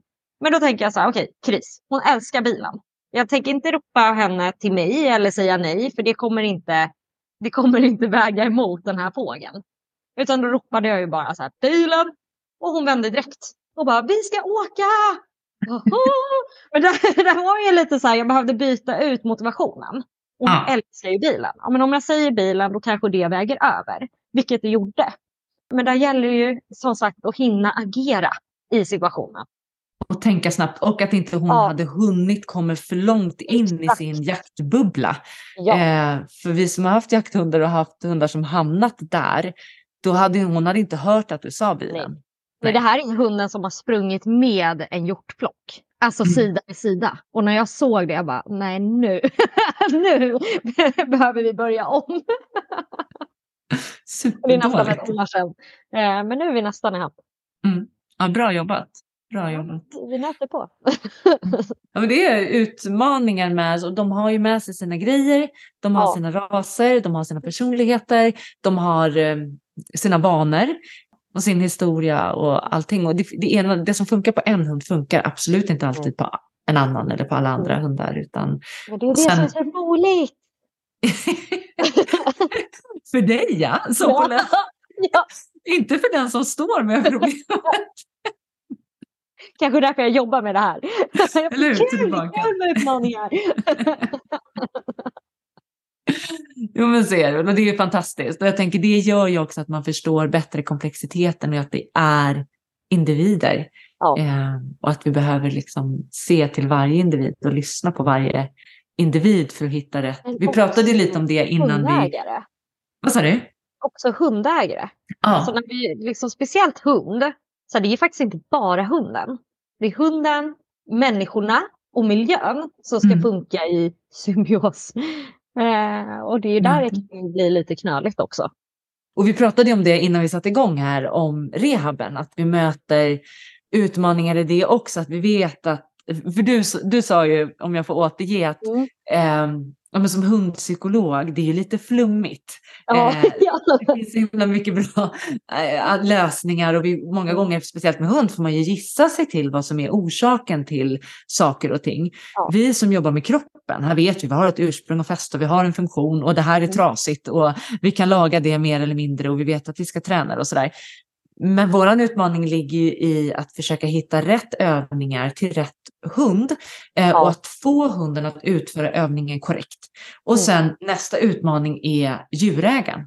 Att få Ja. djurägaren att träna hunden på rätt sätt och Ja. få med sig de här detaljerna i hur tassen är placerad och vart vikten ligger. Och de, vi har ju tränat att se det. Det är ju det, är det vår utbildning mer eller mindre går ut på. Mm. Medan en hundägare, de, det är ju deras första hund. De har inte ens tänkt på att det finns en viktbelastning i bakbenen till exempel.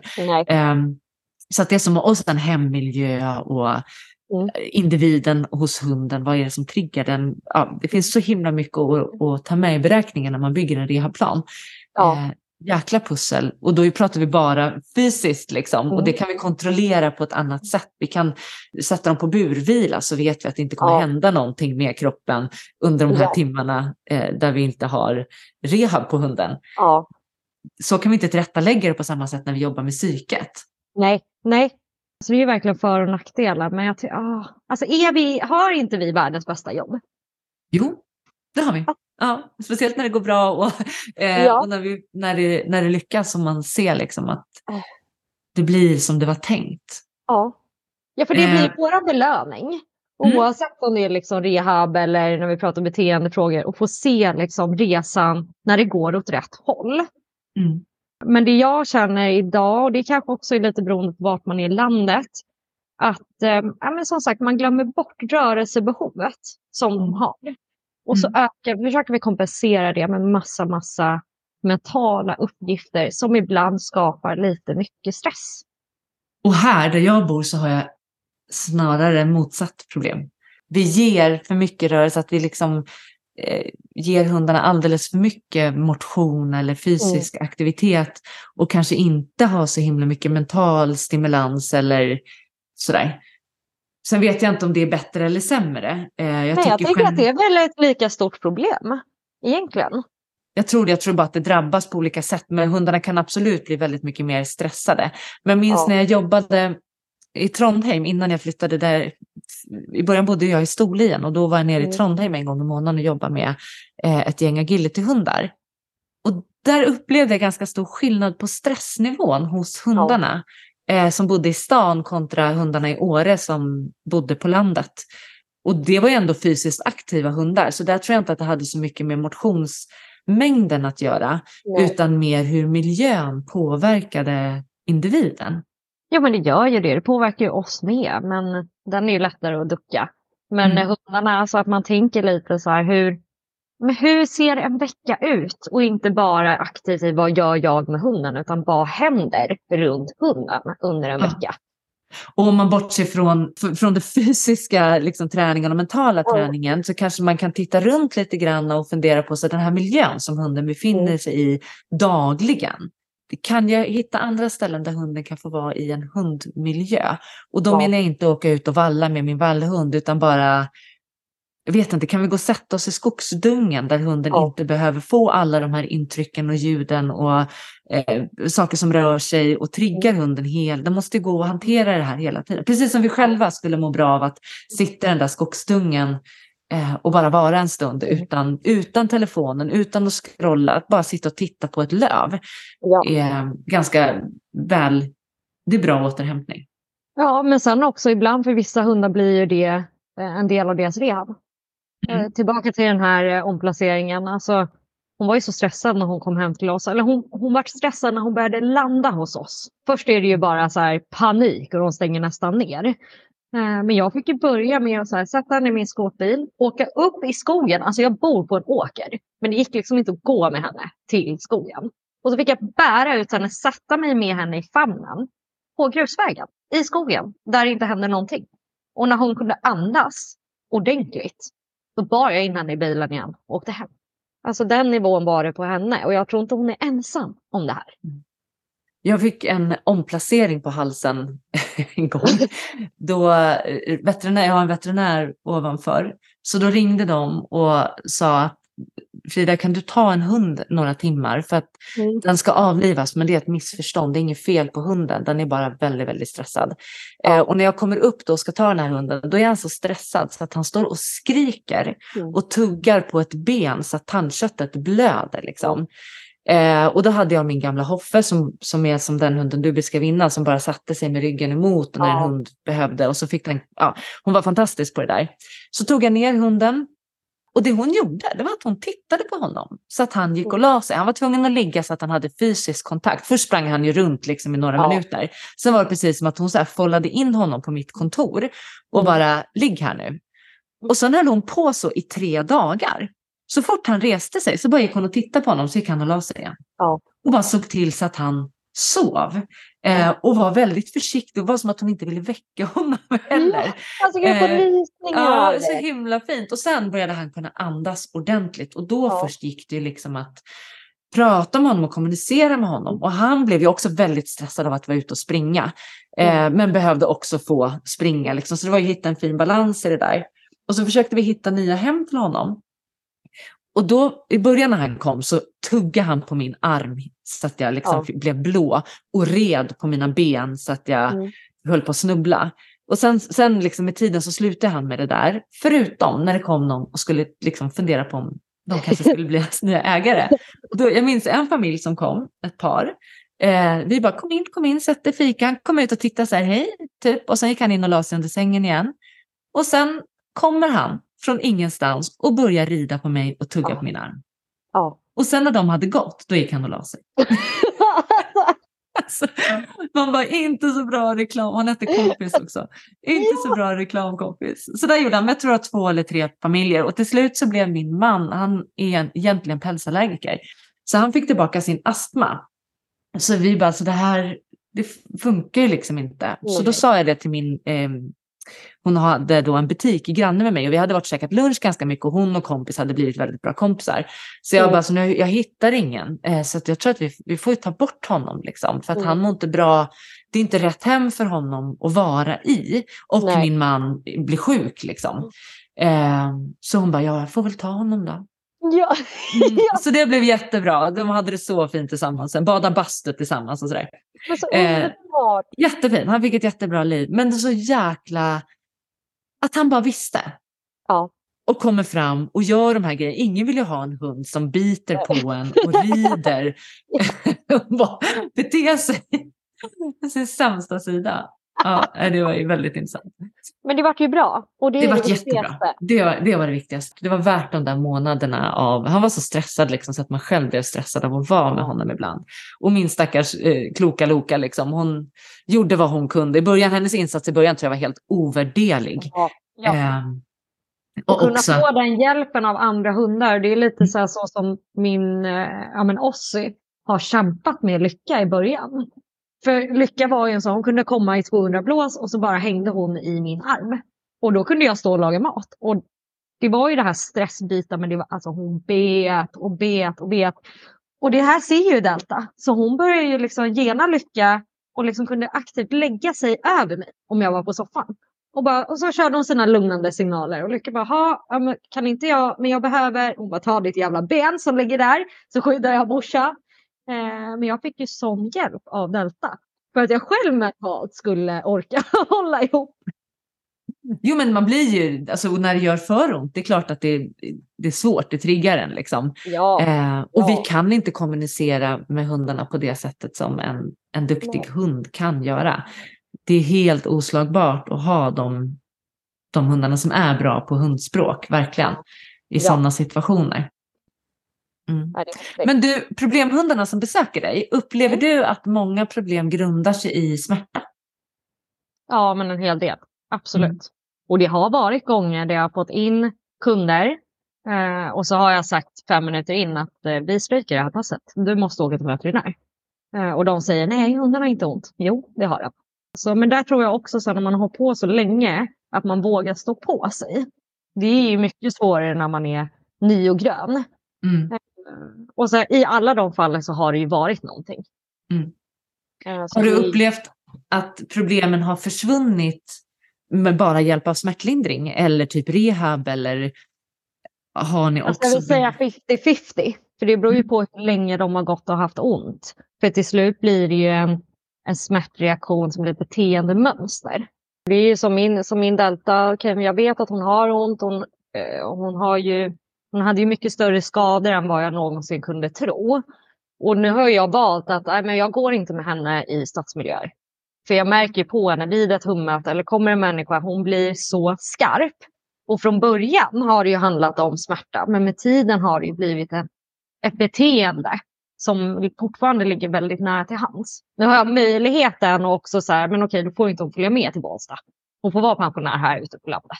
Men skulle jag bott i, i stadsmiljö skulle det ha blivit lite svårare. Men det är klart, Mm. man kan ju ändra de här beteendena, men det tar tid. Men det är ju när de har gått länge. Hon har ju gått i Ja. över två år Mm. med de här sakerna som vi inte har hittat förrän vi gjorde en CT. Men jag kan tycka också när jag går i storstadsmiljö att det är ju väldigt sällan man ser hundar som gör faktiska utfall eller har väldigt stora problem med den typen av miljö. Va? Kom till Stockholm. Ja, Jag menar, det är det jag tänker på. Men, men jag, då, tänker jag så att de kanske har vant sig vid den miljön på ett helt annat sätt än vad Mm, om jag till exempel åker in till stan, då är det något som händer. Medan för de hundar som åker tunnelbana och går liksom i parken, det är deras kissrunda. Ja. Då är ju det, de är uppväxta i det och det är deras liksom... Men sen får man inte heller glömma att om man har en, en stor reaktiv hund, då sätter man sig inte på tunnelbanan där Nej. det är massa andra hundar. Och då kanske man inte tar den där vägen där det rör sig jättemycket folk. Utan då blir det ju på gott och ont att man isolerar sig lite. Så i Såklart. liksom, vi kollar liksom kärnan av Stockholm och den miljön. Det är ju oftast de hundarna som fixar den miljön som rör sig där. Såklart. Och jag tänker att eh, råkar man få en hund som inte klarar sig där, då kanske man letar efter en omplacering eller hittar ett annat hem för den hunden. Ja, eller tar inte... andra vägar. Liksom.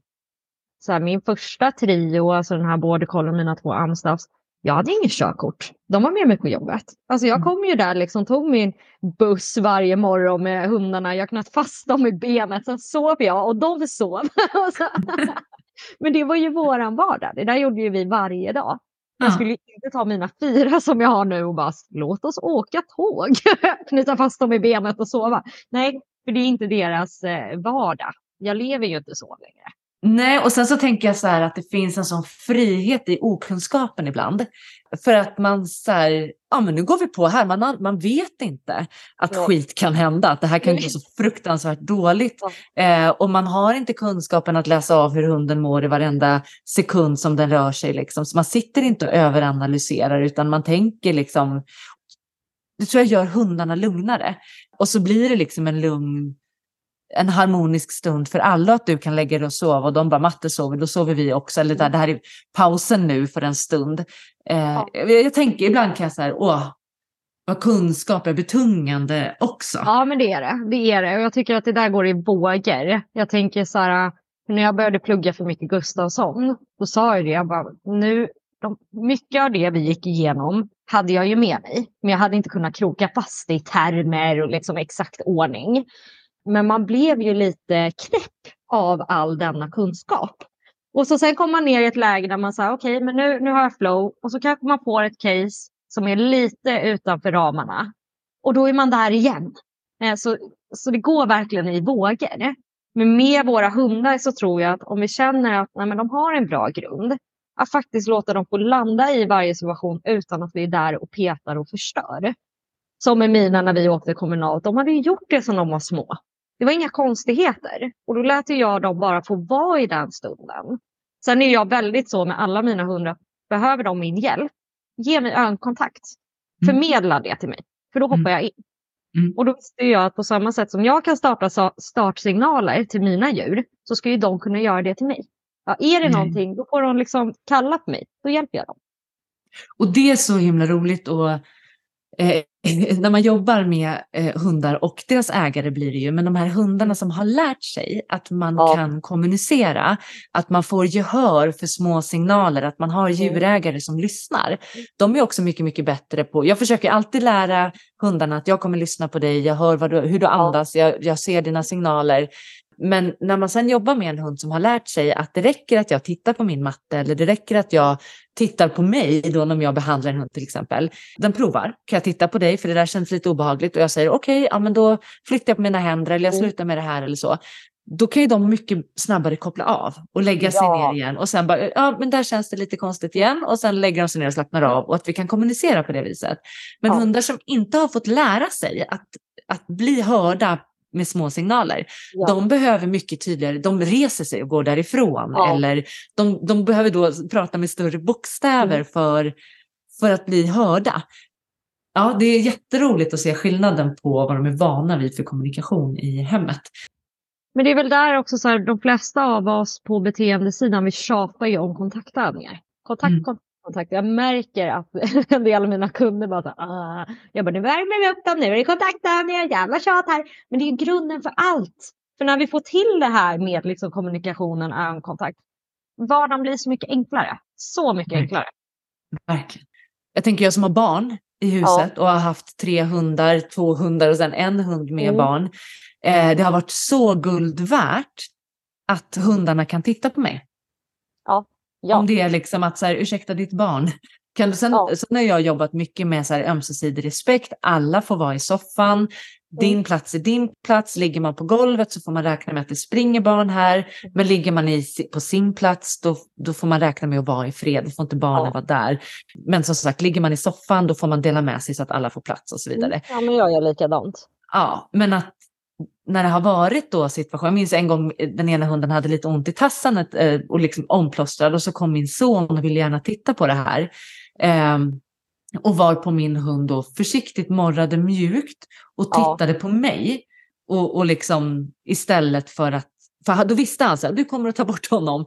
Eh, ja, ja. Att, att här, lös det här nu, för om jag ska göra det då kommer det kanske inte bli så bra. Ja. Jag minns eller mina två hundar som har varit med och jobbat med elever många gånger och varit elevhundar och blivit masserade och framförallt den ena har så här, eh, ursäkta matte, de gör fel här, kan du komma?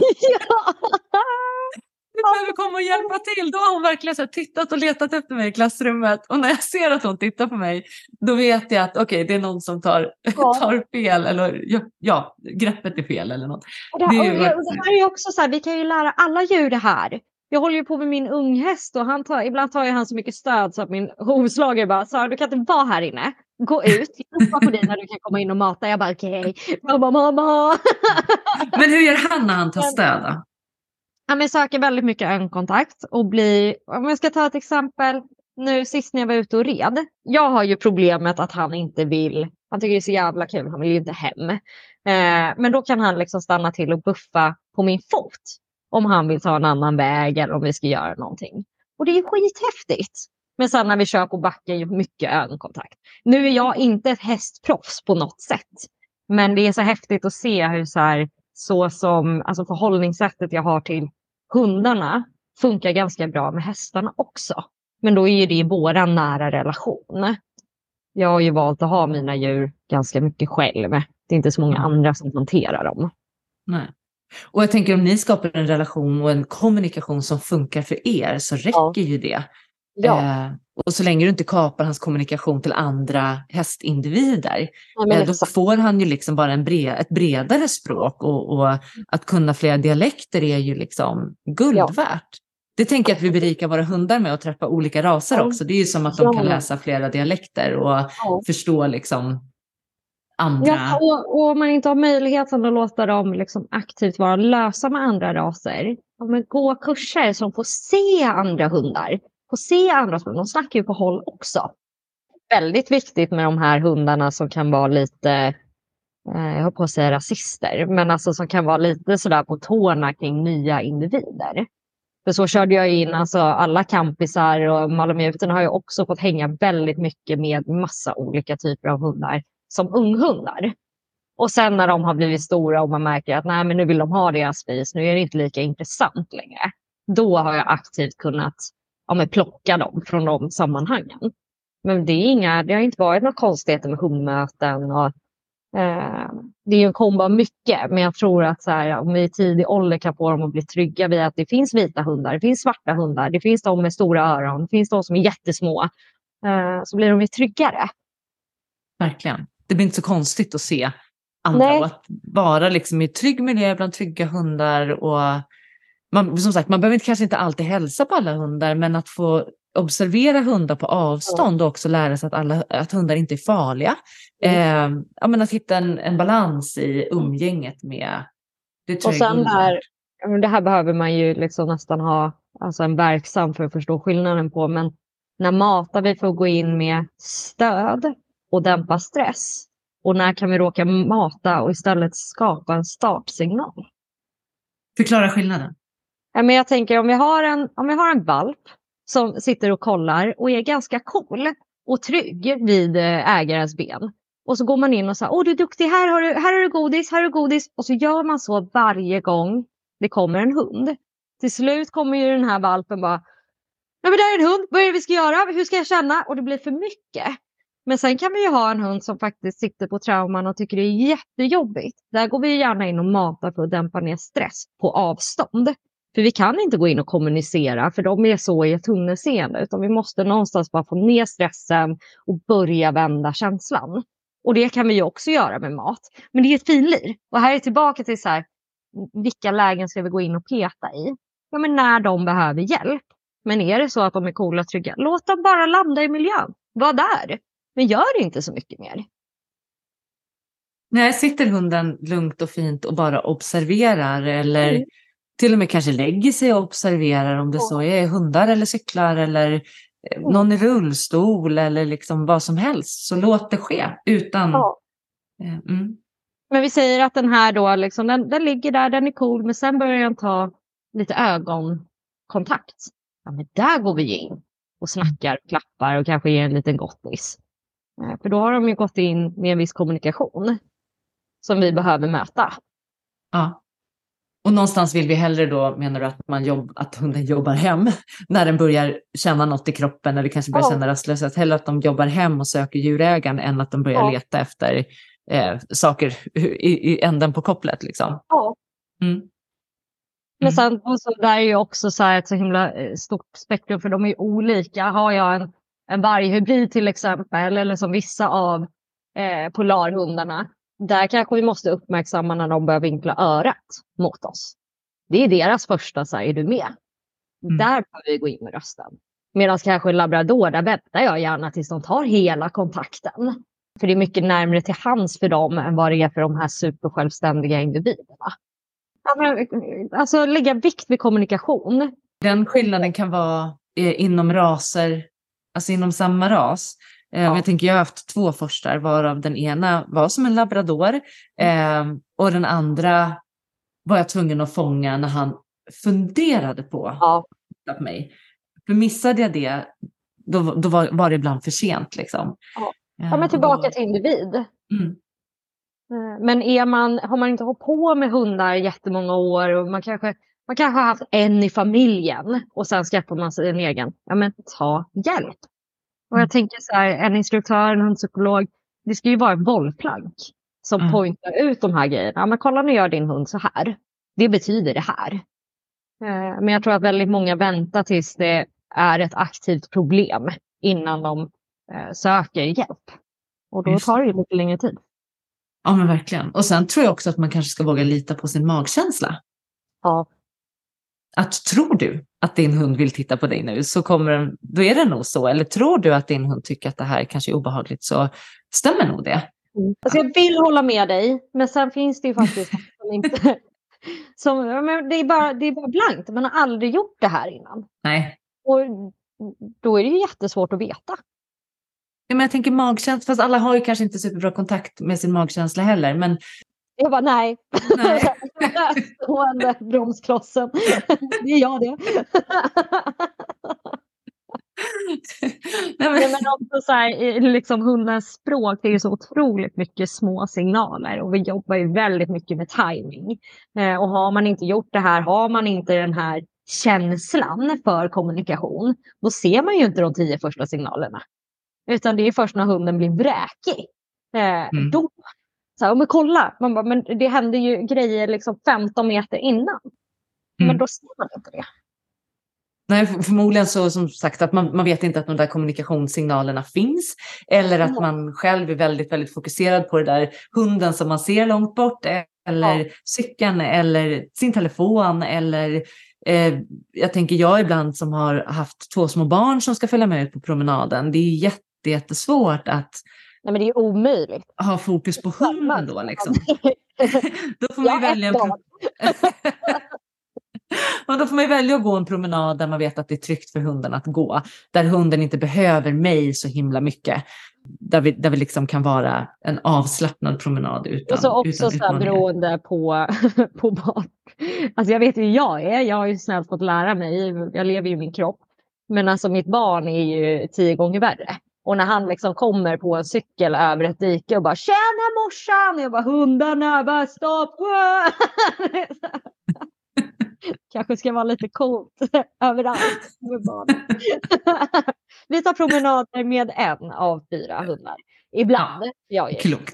Ja. Och, jag, och, jag tänker att det är viktigt att lära sina barn också hur man är runt hundarna. Det, oftast när man ser en hund och ser mina barn ute och springer liksom eller sådär, då brukar jag säga spring inte förbi hunden. Ja. Eh, och då tror djurägarna, alltså de ofta säger nej men det är lugnt, han är jättesnäll. Ja. ja det tror jag, men vi vill inte skrämma honom. Eh, jag tror verkligen inte att han ska göra utfall på mina barn, det är inte därför, men jag vet också att man väldigt lätt kan bli skrämd om det kommer två, inte för att barnen springer fram till hunden, men Nej. för att de eh, springer bredvid hunden och hunden gick och tänkte på annat eller att de är kopplade, alltså de kan inte fly. Och så har man en hund som är rädd för barn. Eh, vi vill ju också lära våra barn hur, vad har vi för förhållningssätt runt djur? Eh, mm. Men som kan vara svårt, nu börjar ju James ändå bli äldre, men alltså vissa åldrar, det är ju bara känslor och impulser. Jag har ju tillräckligt med mig själv. Känns som man springer efter det här barnet. Liksom i taket mer än på marken. jo, men det, det, är väl som med barn som med, med hundar, att de har ju sina ja. faser och utvecklingsfaser. Ja. Och jag fick ett, um, på en av mina utbildningar så pratar man mental utveckling och jag vet inte om det stämmer och det, jag tror inte att det finns någon forskning förankrad i det.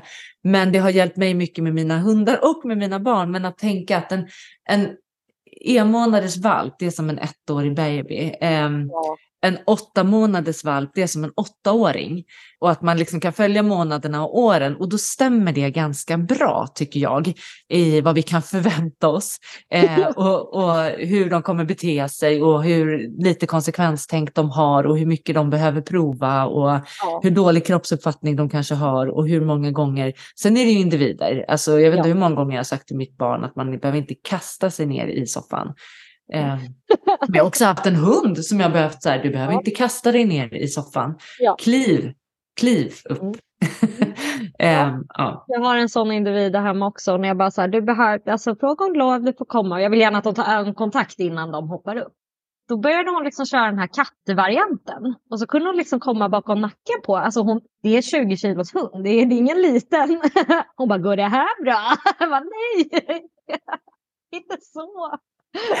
Gå som vanliga hundar, gå runt ja, och så går du upp ja, rätt väg. Ja.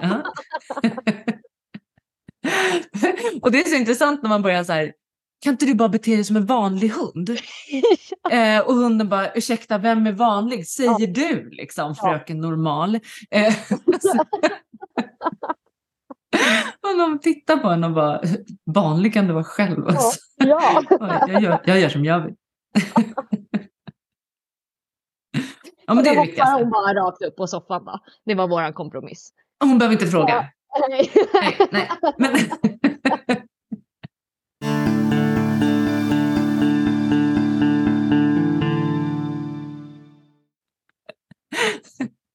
Men det att fråga om lov, om vi ska komma tillbaka till, ja. Eh, är ju ett superbra trix när hundarna går på, alltså är på rehab eller har en skada eller kanske har artroser. Att har de inte kunnat innan så använd den här tiden till när hundarna inte får vara i fri rörelse hemma till att lära att be om hjälp att be om lov, att så här, sätta upp framtassarna och så lyfter jag upp bakdelen. Eller om man har en liten hund, att lära dem att kanske krafsa på benet eller mm.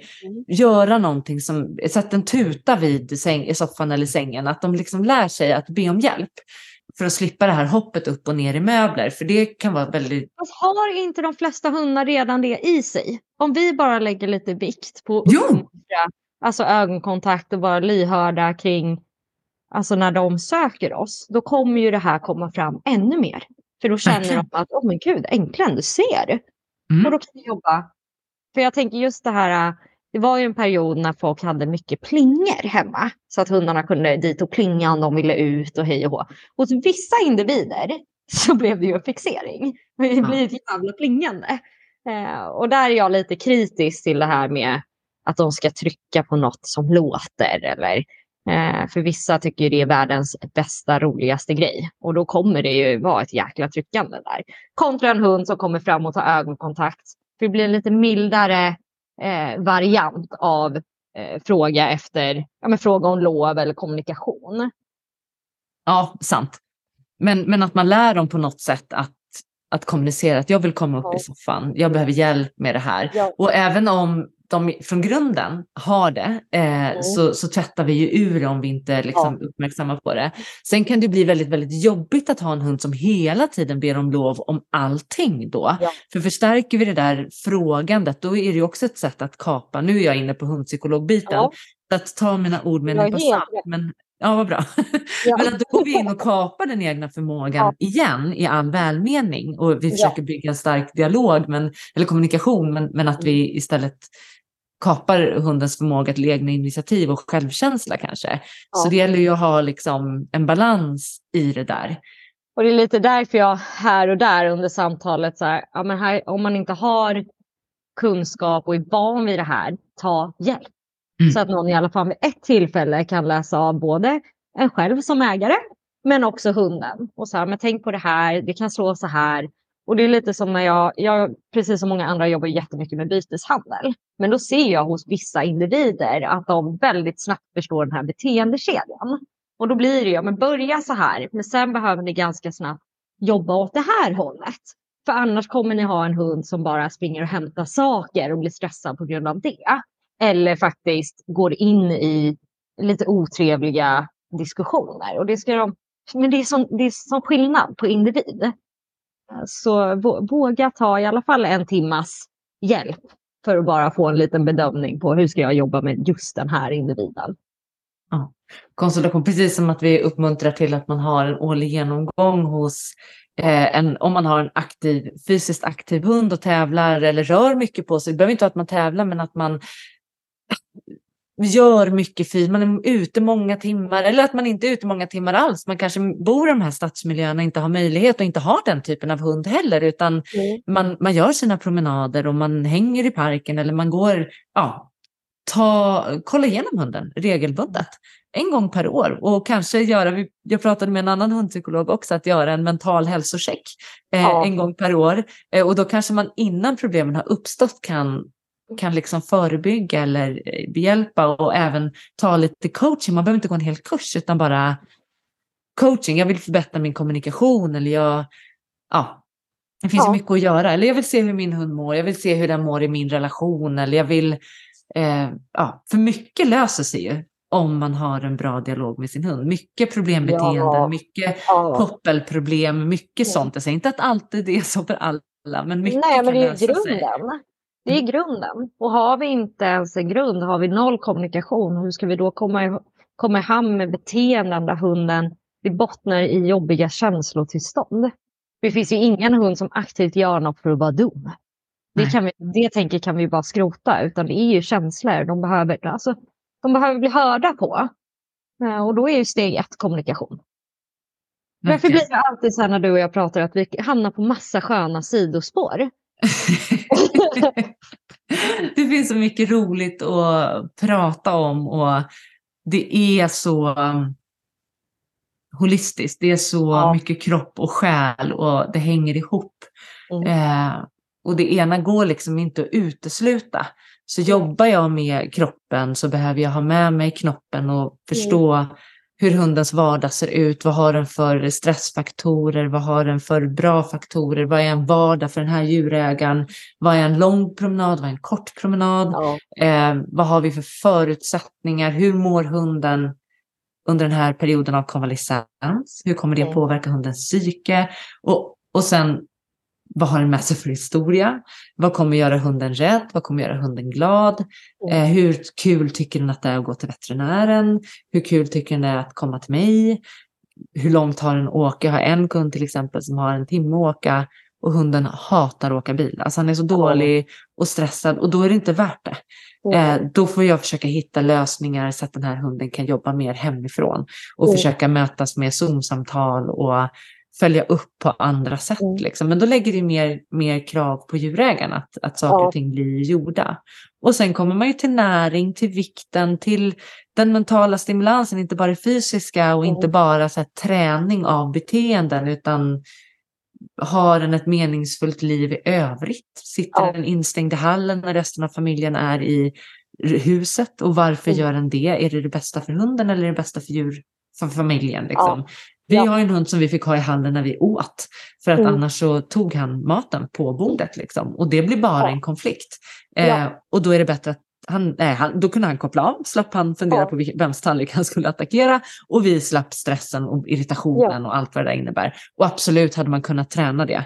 Men då bodde jag med, jag bor Nej, fast fortfarande med jag mina är, barn. inte, jag är inte helt emot att ibland liksom men också att hundarna lär sig att det här är min safe zone. Här får jag Mm. vila, här får jag återhämtning. Och det tycker jag är så häftigt, alltså som med min hane. Nu har jag bara lyft hans zoner. Och, men han är ju helt fantastisk när det kommer till kommunikation.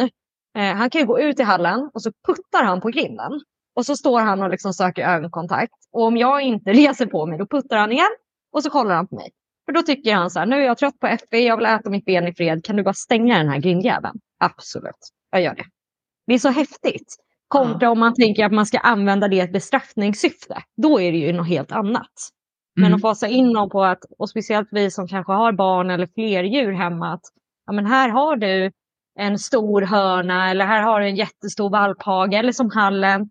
Säg till när du vill vara i fred så får du den stunden. Det är Mm. skitballt. Jag har kört det med alla mina hundar. Mm.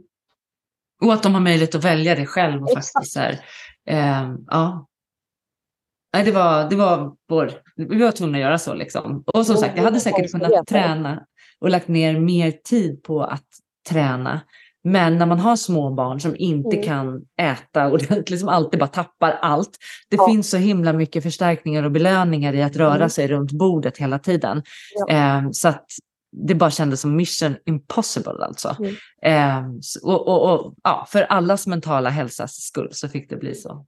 Jag Och hade där an- måste man liksom hitta vägar som funkar i, alltså i det läget man står i livet. För det är samma sak, så här, vi som är i branschen, vi har ju massa olika verktyg. Ibland vet vi att egentligen vill jag göra så här, men jag har inte de fem timmarna varje dag just nu. Och då får jag välja den här vägen.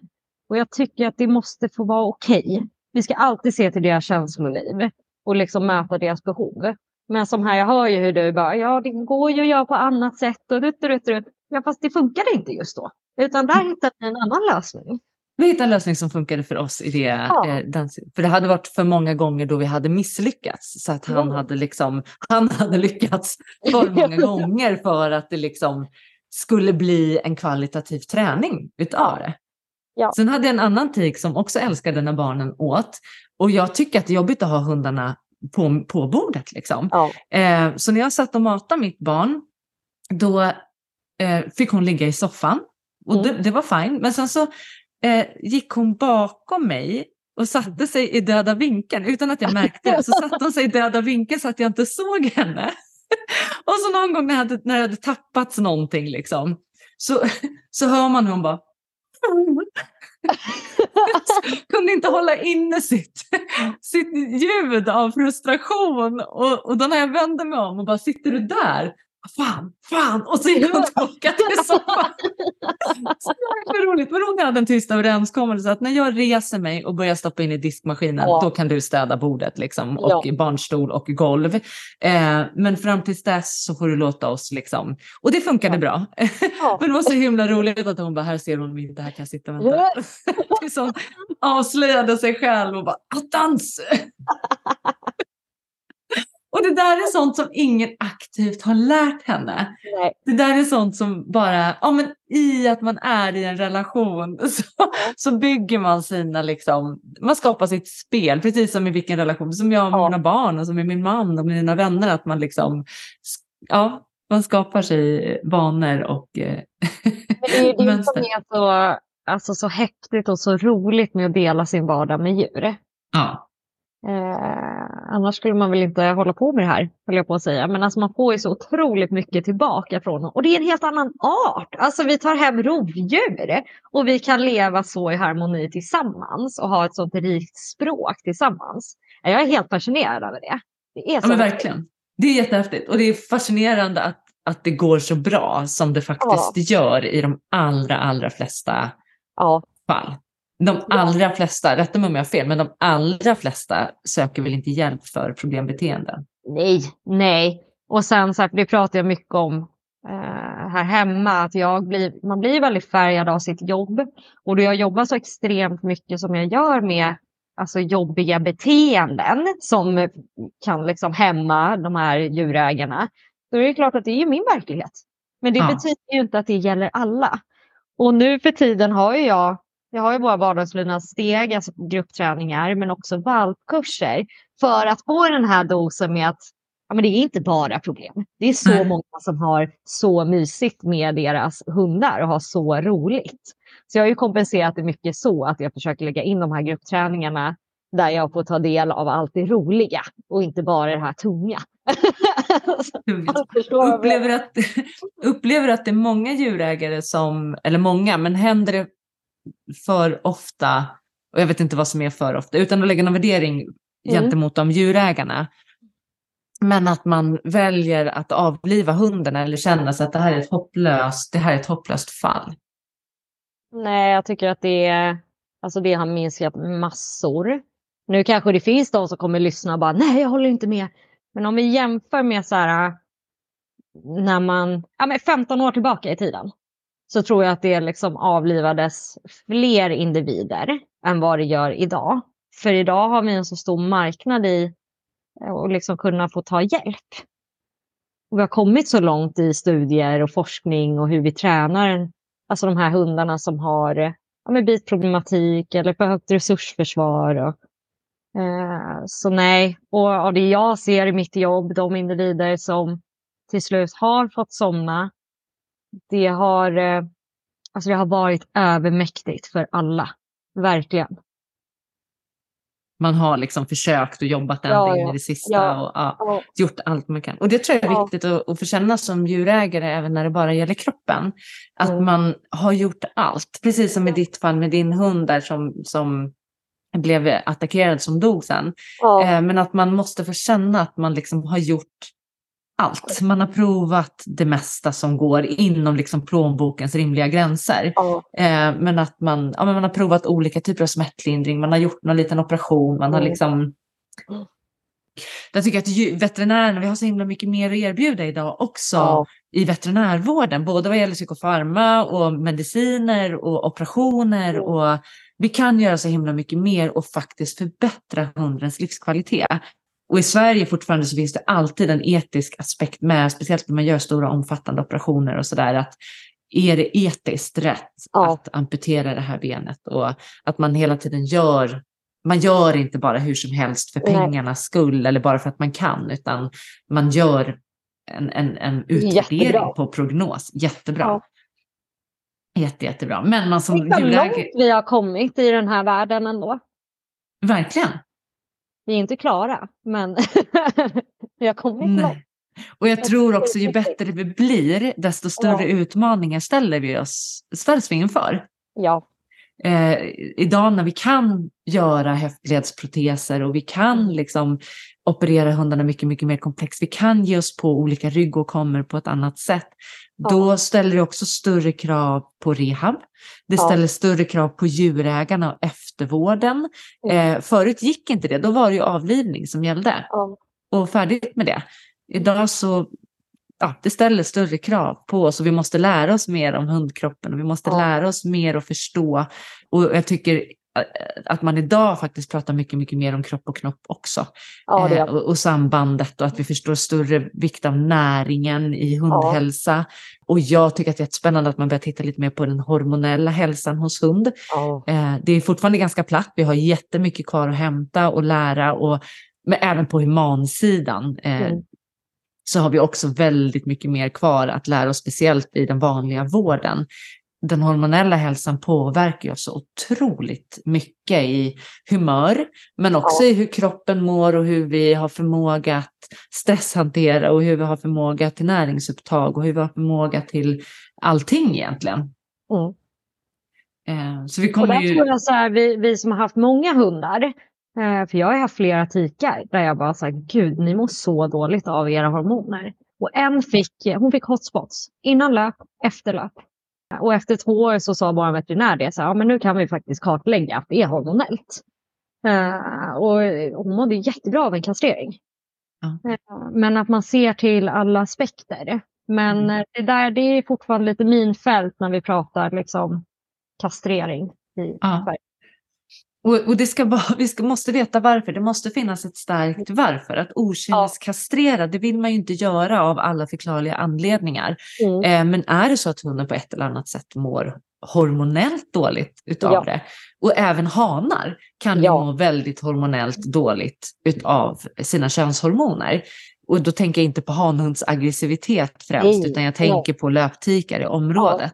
Mm. För man ser ju när de här hundarna kommer in och man, det finns eh, muskelspänningar som faktiskt går att relatera till eh, kåthet. Om man säger så, Ja. att de har varit liksom lite, lite, ja men att det har varit styvt och, och spänningar i området, Ja. att liksom eh, det påverkar hur de mår, det påverkar snoppmuskeln eller penismuskeln, det påverkar området i hela bakdelen. De, de kan vara svullna och de kan vara stela och det kan påverka prostatan och det kan påverka ryggen och Ja, Eh, inte kanske de vanligaste diagnoserna, men om man börjar luska lite ja. så kan man kanske förstå och se ett samband. Och där så frågar ibland så här, har ni löptikar? Mår hunden dåligt Ja. över löptikar? Nej, nej, nej, det är ingen fara. Han kan, ibland hoppar han över att äta två, tre dagar, men annars så bryr han sig inte så mycket. Och i min värld så är det att bry sig jättemycket. ja, ja, ja. Eller att han sitter och piper lite på nätterna, men det är inte så farligt. Nej, det är jätteskönt att ni känner att ni kan leva med det. Eh, Mm. Men det, det är ändå ett tecken på att hunden är väldigt påverkad av, av liksom sina hormoner. Nej, men jag tänker att det är här vi har ju fortfarande så mycket mer att grotta ner oss i och dra lärdom av. Verkligen. Vi kanske behöver kartlägga lite mer, alltså vi verksamma, och samla in data. Man gör ju det i sina journaler, men att liksom pinpointa vissa ämnen och sammanställa och se. Ja, men hur har det sett ut de här två åren? Vad sitter alla med på deras bord? Ka- Ja, Mm. men kartlägga. Ja, göra någon samlad liksom, Ja, fokusområde. Och sen Exakt. tror jag att vi vet för lite om på, på människosidan så vet man ju idag att fo- foder, att näring och mat påverkar hormonhälsan väldigt, väldigt mycket. Men vi tänker inte så när vi jobbar med hundar och där tänker jag också att vi har ett stort område att lära oss väldigt mycket mer i. Och där Men det kan man ju också lyfta till just eh, de som kommer lyssna på det här. Att, att ge hunden rätt mat utifrån vad den faktiskt får göra. har man en border collie, bor i Solna och den, visst, den får deras promenader och det är lite nosework och hej och De behöver inte gå på ett högaktivt foder. Absolut inte. Bara för att det är en aktiv ras. Nej, och känner man att man har en väldigt aktiv hund fast man inte är aktiv med sin hund så är sällan ett högenergifoder den bästa lösningen för då får den ju mer energi som ja. den behöver göra sig av med. Ja. Det, gud vad jag avbryter dig Frida. Du ja, får liksom men kör. Jag klipper bort dig bara. men jag tänker just den här liksom, senaste åren så har det ju blivit en jättebomb kring berikning. Hur berikar vi hundens mat? Så det blir mer att maten kanske, ja, men som vi då som eh, kör färskfoder, ja, men det är ju grunden, basen. Sen kan vi toppa det med olika saker. Och att vi blir duktiga där på hur berikar vi maten beroende på eh, vad hunden gör, men också hur den mår hormonellt. Eh, och kunna liksom sätta dit grejer men också ta bort. Mm. Och vi har jättemycket att lära och viktigt att ha lite mer kunskap kring det där. Ja. Och man kanske tänker så här, men hur mycket kunskap behöver man ha om sin egen mat? Då? Och man behöver ju faktiskt ha ganska mycket kunskap om sin egen mat om man ska äta en näringsriktig mat. Vill man bara bli mätt, skitsamma, ta något. Men ska jag äta näringsriktig mat och se till så att jag får i mig tillräckligt mycket med järn och proteiner och mineraler och vitaminer och sådär, då behöver jag fundera på vad det är jag stoppar i mig. Ja. Um, och där är det ju enkelt på djursidan att man bara köper ett torrfoder och så har någon gjort mm. jobbet åt mig. Eh, det borde finnas bra recept och veckomatsedlar även för hundsidan i att laga mat och många gånger så kan de ju eh, nu, nu vill jag också lite hälsa på att jag är absolut ingen expert på näring, men jag är väldigt påläst. Men, men vi kan ta väldigt mycket av den maten som vi själva äter eh, och ja. göra den hundvänlig och ha, liksom, som du pratade om, ett färskfoder som bas och jobba med kolhydrater och då ska vi inte mm. snacka snabbmakaroner här utan kvalitativa kolhydrater men inte för mycket. Alltså, att ja. man hittar en balans i det där och kunna på något sätt mm.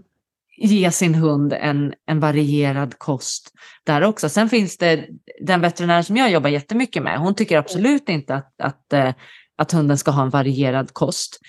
Eh, för, av den kunskap hon har och baserat på ja. den erfarenhet hon har. Så att mitt ord är inte sanning, verkligen inte. Men, eh... Nej, men det är bra att lyfta det här. För mm. vi, sagt, vi har mycket kvar. Vi har mycket kvar i branschen att jobba med. Eh, och mycket info som vi behöver komma till rätta med och se, ja men okej, eh, vi behöver ha lite större studier kanske kring vissa områden. Där vi inte pratar tio hundar utan liksom gärna några nollor till på den där mm, studien. Verkligen. Och jag tänker det finns ju studier som kommer nu där man ser att berikning i fodret, torrfoder som har toppats ja. med matrester eller smakprover och sådär, där har vi hundar som har mindre allergier ja. och starkare tarmar. Och sen så ja. har vi enormt mycket hundar som lever på torrfoder och lider av allergier och magar ja. som inte funkar. Eh, och, och, jag tänker att vi måste kanske börja titta lite på sambandet där mm. utan att Ja. Rest, jag säger inget mer nu så att jag... Eller så bara sätter vi en stor triggervarning på det ja, ja, men det. det här kan eh, Ja, det kan mötas på olika sätt av mm. lyssnarna. Men jag tror att det, det här skulle väl vara ett roligt projekt för dig och mig. Eh... det är inget annat i våra kalendrar. Nej, men precis. Nej, men jag tycker att man som djurägare kanske ska göra en djupdykning. Är man supernöjd, tycker man att det funkar, fine, kör på det du gör. Men tycker du att så här, mm, undrar om jag kan göra något annorlunda för min hunds eh, näring. Så ta, läs på lite, fundera på, är torrfoder någonting för oss eller ska vi titta på andra alternativ och vad krävs det i mm. så fall och hur? För det är ju fortfarande, det är inte bara att gå och köpa lite köttfärs och koka potatis. Nej, nej, nej. Eh, utan det krävs att man har liksom läst på lite och ja. Men vi är väldigt slarviga med vår egen kost och är oftast mer pålästa på hundens eh, foderpåsar än på våra egna. Ja, hundra procent. Ja. Så att det jag tror verkligen att vi har mer, väldigt mycket mer att lära på mm. hundens näring och näringssida och hur det påverkar mentalt och hur det påverkar ja. fysiskt. Det ja. finns någon studie gjord på älg där man stödmatade något år med majs eh, och såg en ökning av artroser hos älg för att de hade Ah. fått majsbaserat foder. Ja. Det är intressant med tanke på att mycket av vår, våra hundfoder har mycket majs i sig. Ja. Och vi har mycket artroser hos hund. Mm. ja, det har vi. Mm. Men om vi försöker sammanfatta allt vi har pratat om nu. Ja, sök hjälp. Eh, lite kanske så här, äh, plugga på vad är det för hund jag har hemma? Mm. Vad, är, vad är de avlade för att göra? Eh. Det sagt så vill jag ändå säga att alltså jag som har en vallhund som jag har valt att inte valla med. Det går att möta deras behov på annat sätt. Eh, men att man ser, liksom ser över det här med helhet. Återhämtning, fys, mental. Eh, Och faktiskt att de får utlopp för det rörelsebehovet de har på ett eller annat sätt. och ha med sig där också att rörelsebehovet är oftast mindre än vad vi tror. Vi Mm. skapar ett rörelsebehov genom att motionera hundarna mycket. Ja. Ehm, Så försök hitta den lägsta dagliga dosen, precis när vi jobbar med mediciner, den lägsta dagliga dosen på ett rörelsebehov. Och framförallt om vi inte har hundar som ska vara elitidrottare. Har vi hundar som ska upp på elitnivå, som ska Mm. träna och tävla ofta, varje helg, alltså att det är det man gör, då ska de elittränas, då ska man lägga Ja. in och planera sin fysträning. Men de hundarna som inte är där, det är väldigt, väldigt många hundar som bara är vanliga eh, vardagshjältar och familjehundar. Eh, och de behöver en god vardagsmotion. Och, och att hitta en balans i det kommer göra stor skillnad. De kommer också hålla längre och bättre. Och gärna lite mer än, än vad man kanske har lust med, men försök hitta den lägsta dagliga dosen. Och det är inte två timmar om dagen, utan vi pratar Nej. kanske en kvart, 20 minuter några gånger i veckan. Ja, Eh, Men till Fri rörelse då. Och sen, ja. Men också vad har jag för ras? vad har jag för oss? Hur kan Eh. jag tillgodose det? Och även sällskapshundar, alltså bichon frisé, Ja. behöver få röra sig fritt. De Ja. behöver få använda sina muskler, de behöver få Mm. eh, bli trötta fysiskt också. Mm. Och mentalt. Ja. Mm. Men just när vi pratar liksom det mentala, att man, att man då ser till hela vardagen. Ja, Har man massa gäster över, det är också mentalt. Mm. Eh, Men som sagt, vi står ju på två, två olika ställen i Sverige. Jag Mm. hamnar mental överstimulans och du lite åt andra hållet. Fysisk överstimulans många gånger Ja, kanske. Mm. Eh, som sagt, så vi har olika utmaningar. Vi har också väldigt lite övervikt i Åre. Men tittar jag Ja. en och en halv mil bort så ser det helt annorlunda ut. Ja. Så det är väldigt, väldigt lokala skillnader på Mm. vad man har. Liksom. Men du Sara, om man behöver komma i kontakt med dig eller är nyfiken på mer av dig, vad, vart hittar man dig? alltså passout.se, både på nätet och eh, Instagram. Men sen sitter jag några timmar i veckan via Firstvet med distansrådgivningar. Så oavsett vart man är i landet så går det att eh, rycka i mig för lite hjälp. Eh, jag är i Bålsta runt Stockholm. Men eh, ibland är jag i Göteborg och jobbar, ibland Uppsala. Så det är verkligen bara att höra av er. Mm. Och du är ju kärleksfullt ärlig, det uppskattar vi. Ja, men bra. Ja. stort, stort tack för din tid Sara. Vi, vi snackas ju snart igen. Ja. Tack snälla. Petli App är appen du behöver. I appen hittar du all träning du kan tänkas vilja göra med din hund. Du hittar tricks, du hittar övningar, du får vägledning och guidning. Du hittar fysisk aktivitet och du hittar mental stimulans. Det finns även artiklar att läsa. Så det är en app som täcker hela ditt behov under hela hundens liv. Allt från valp till gammal seniorhund. Ladda ner appen via länken i vår poddbeskrivning och ha det så roligt!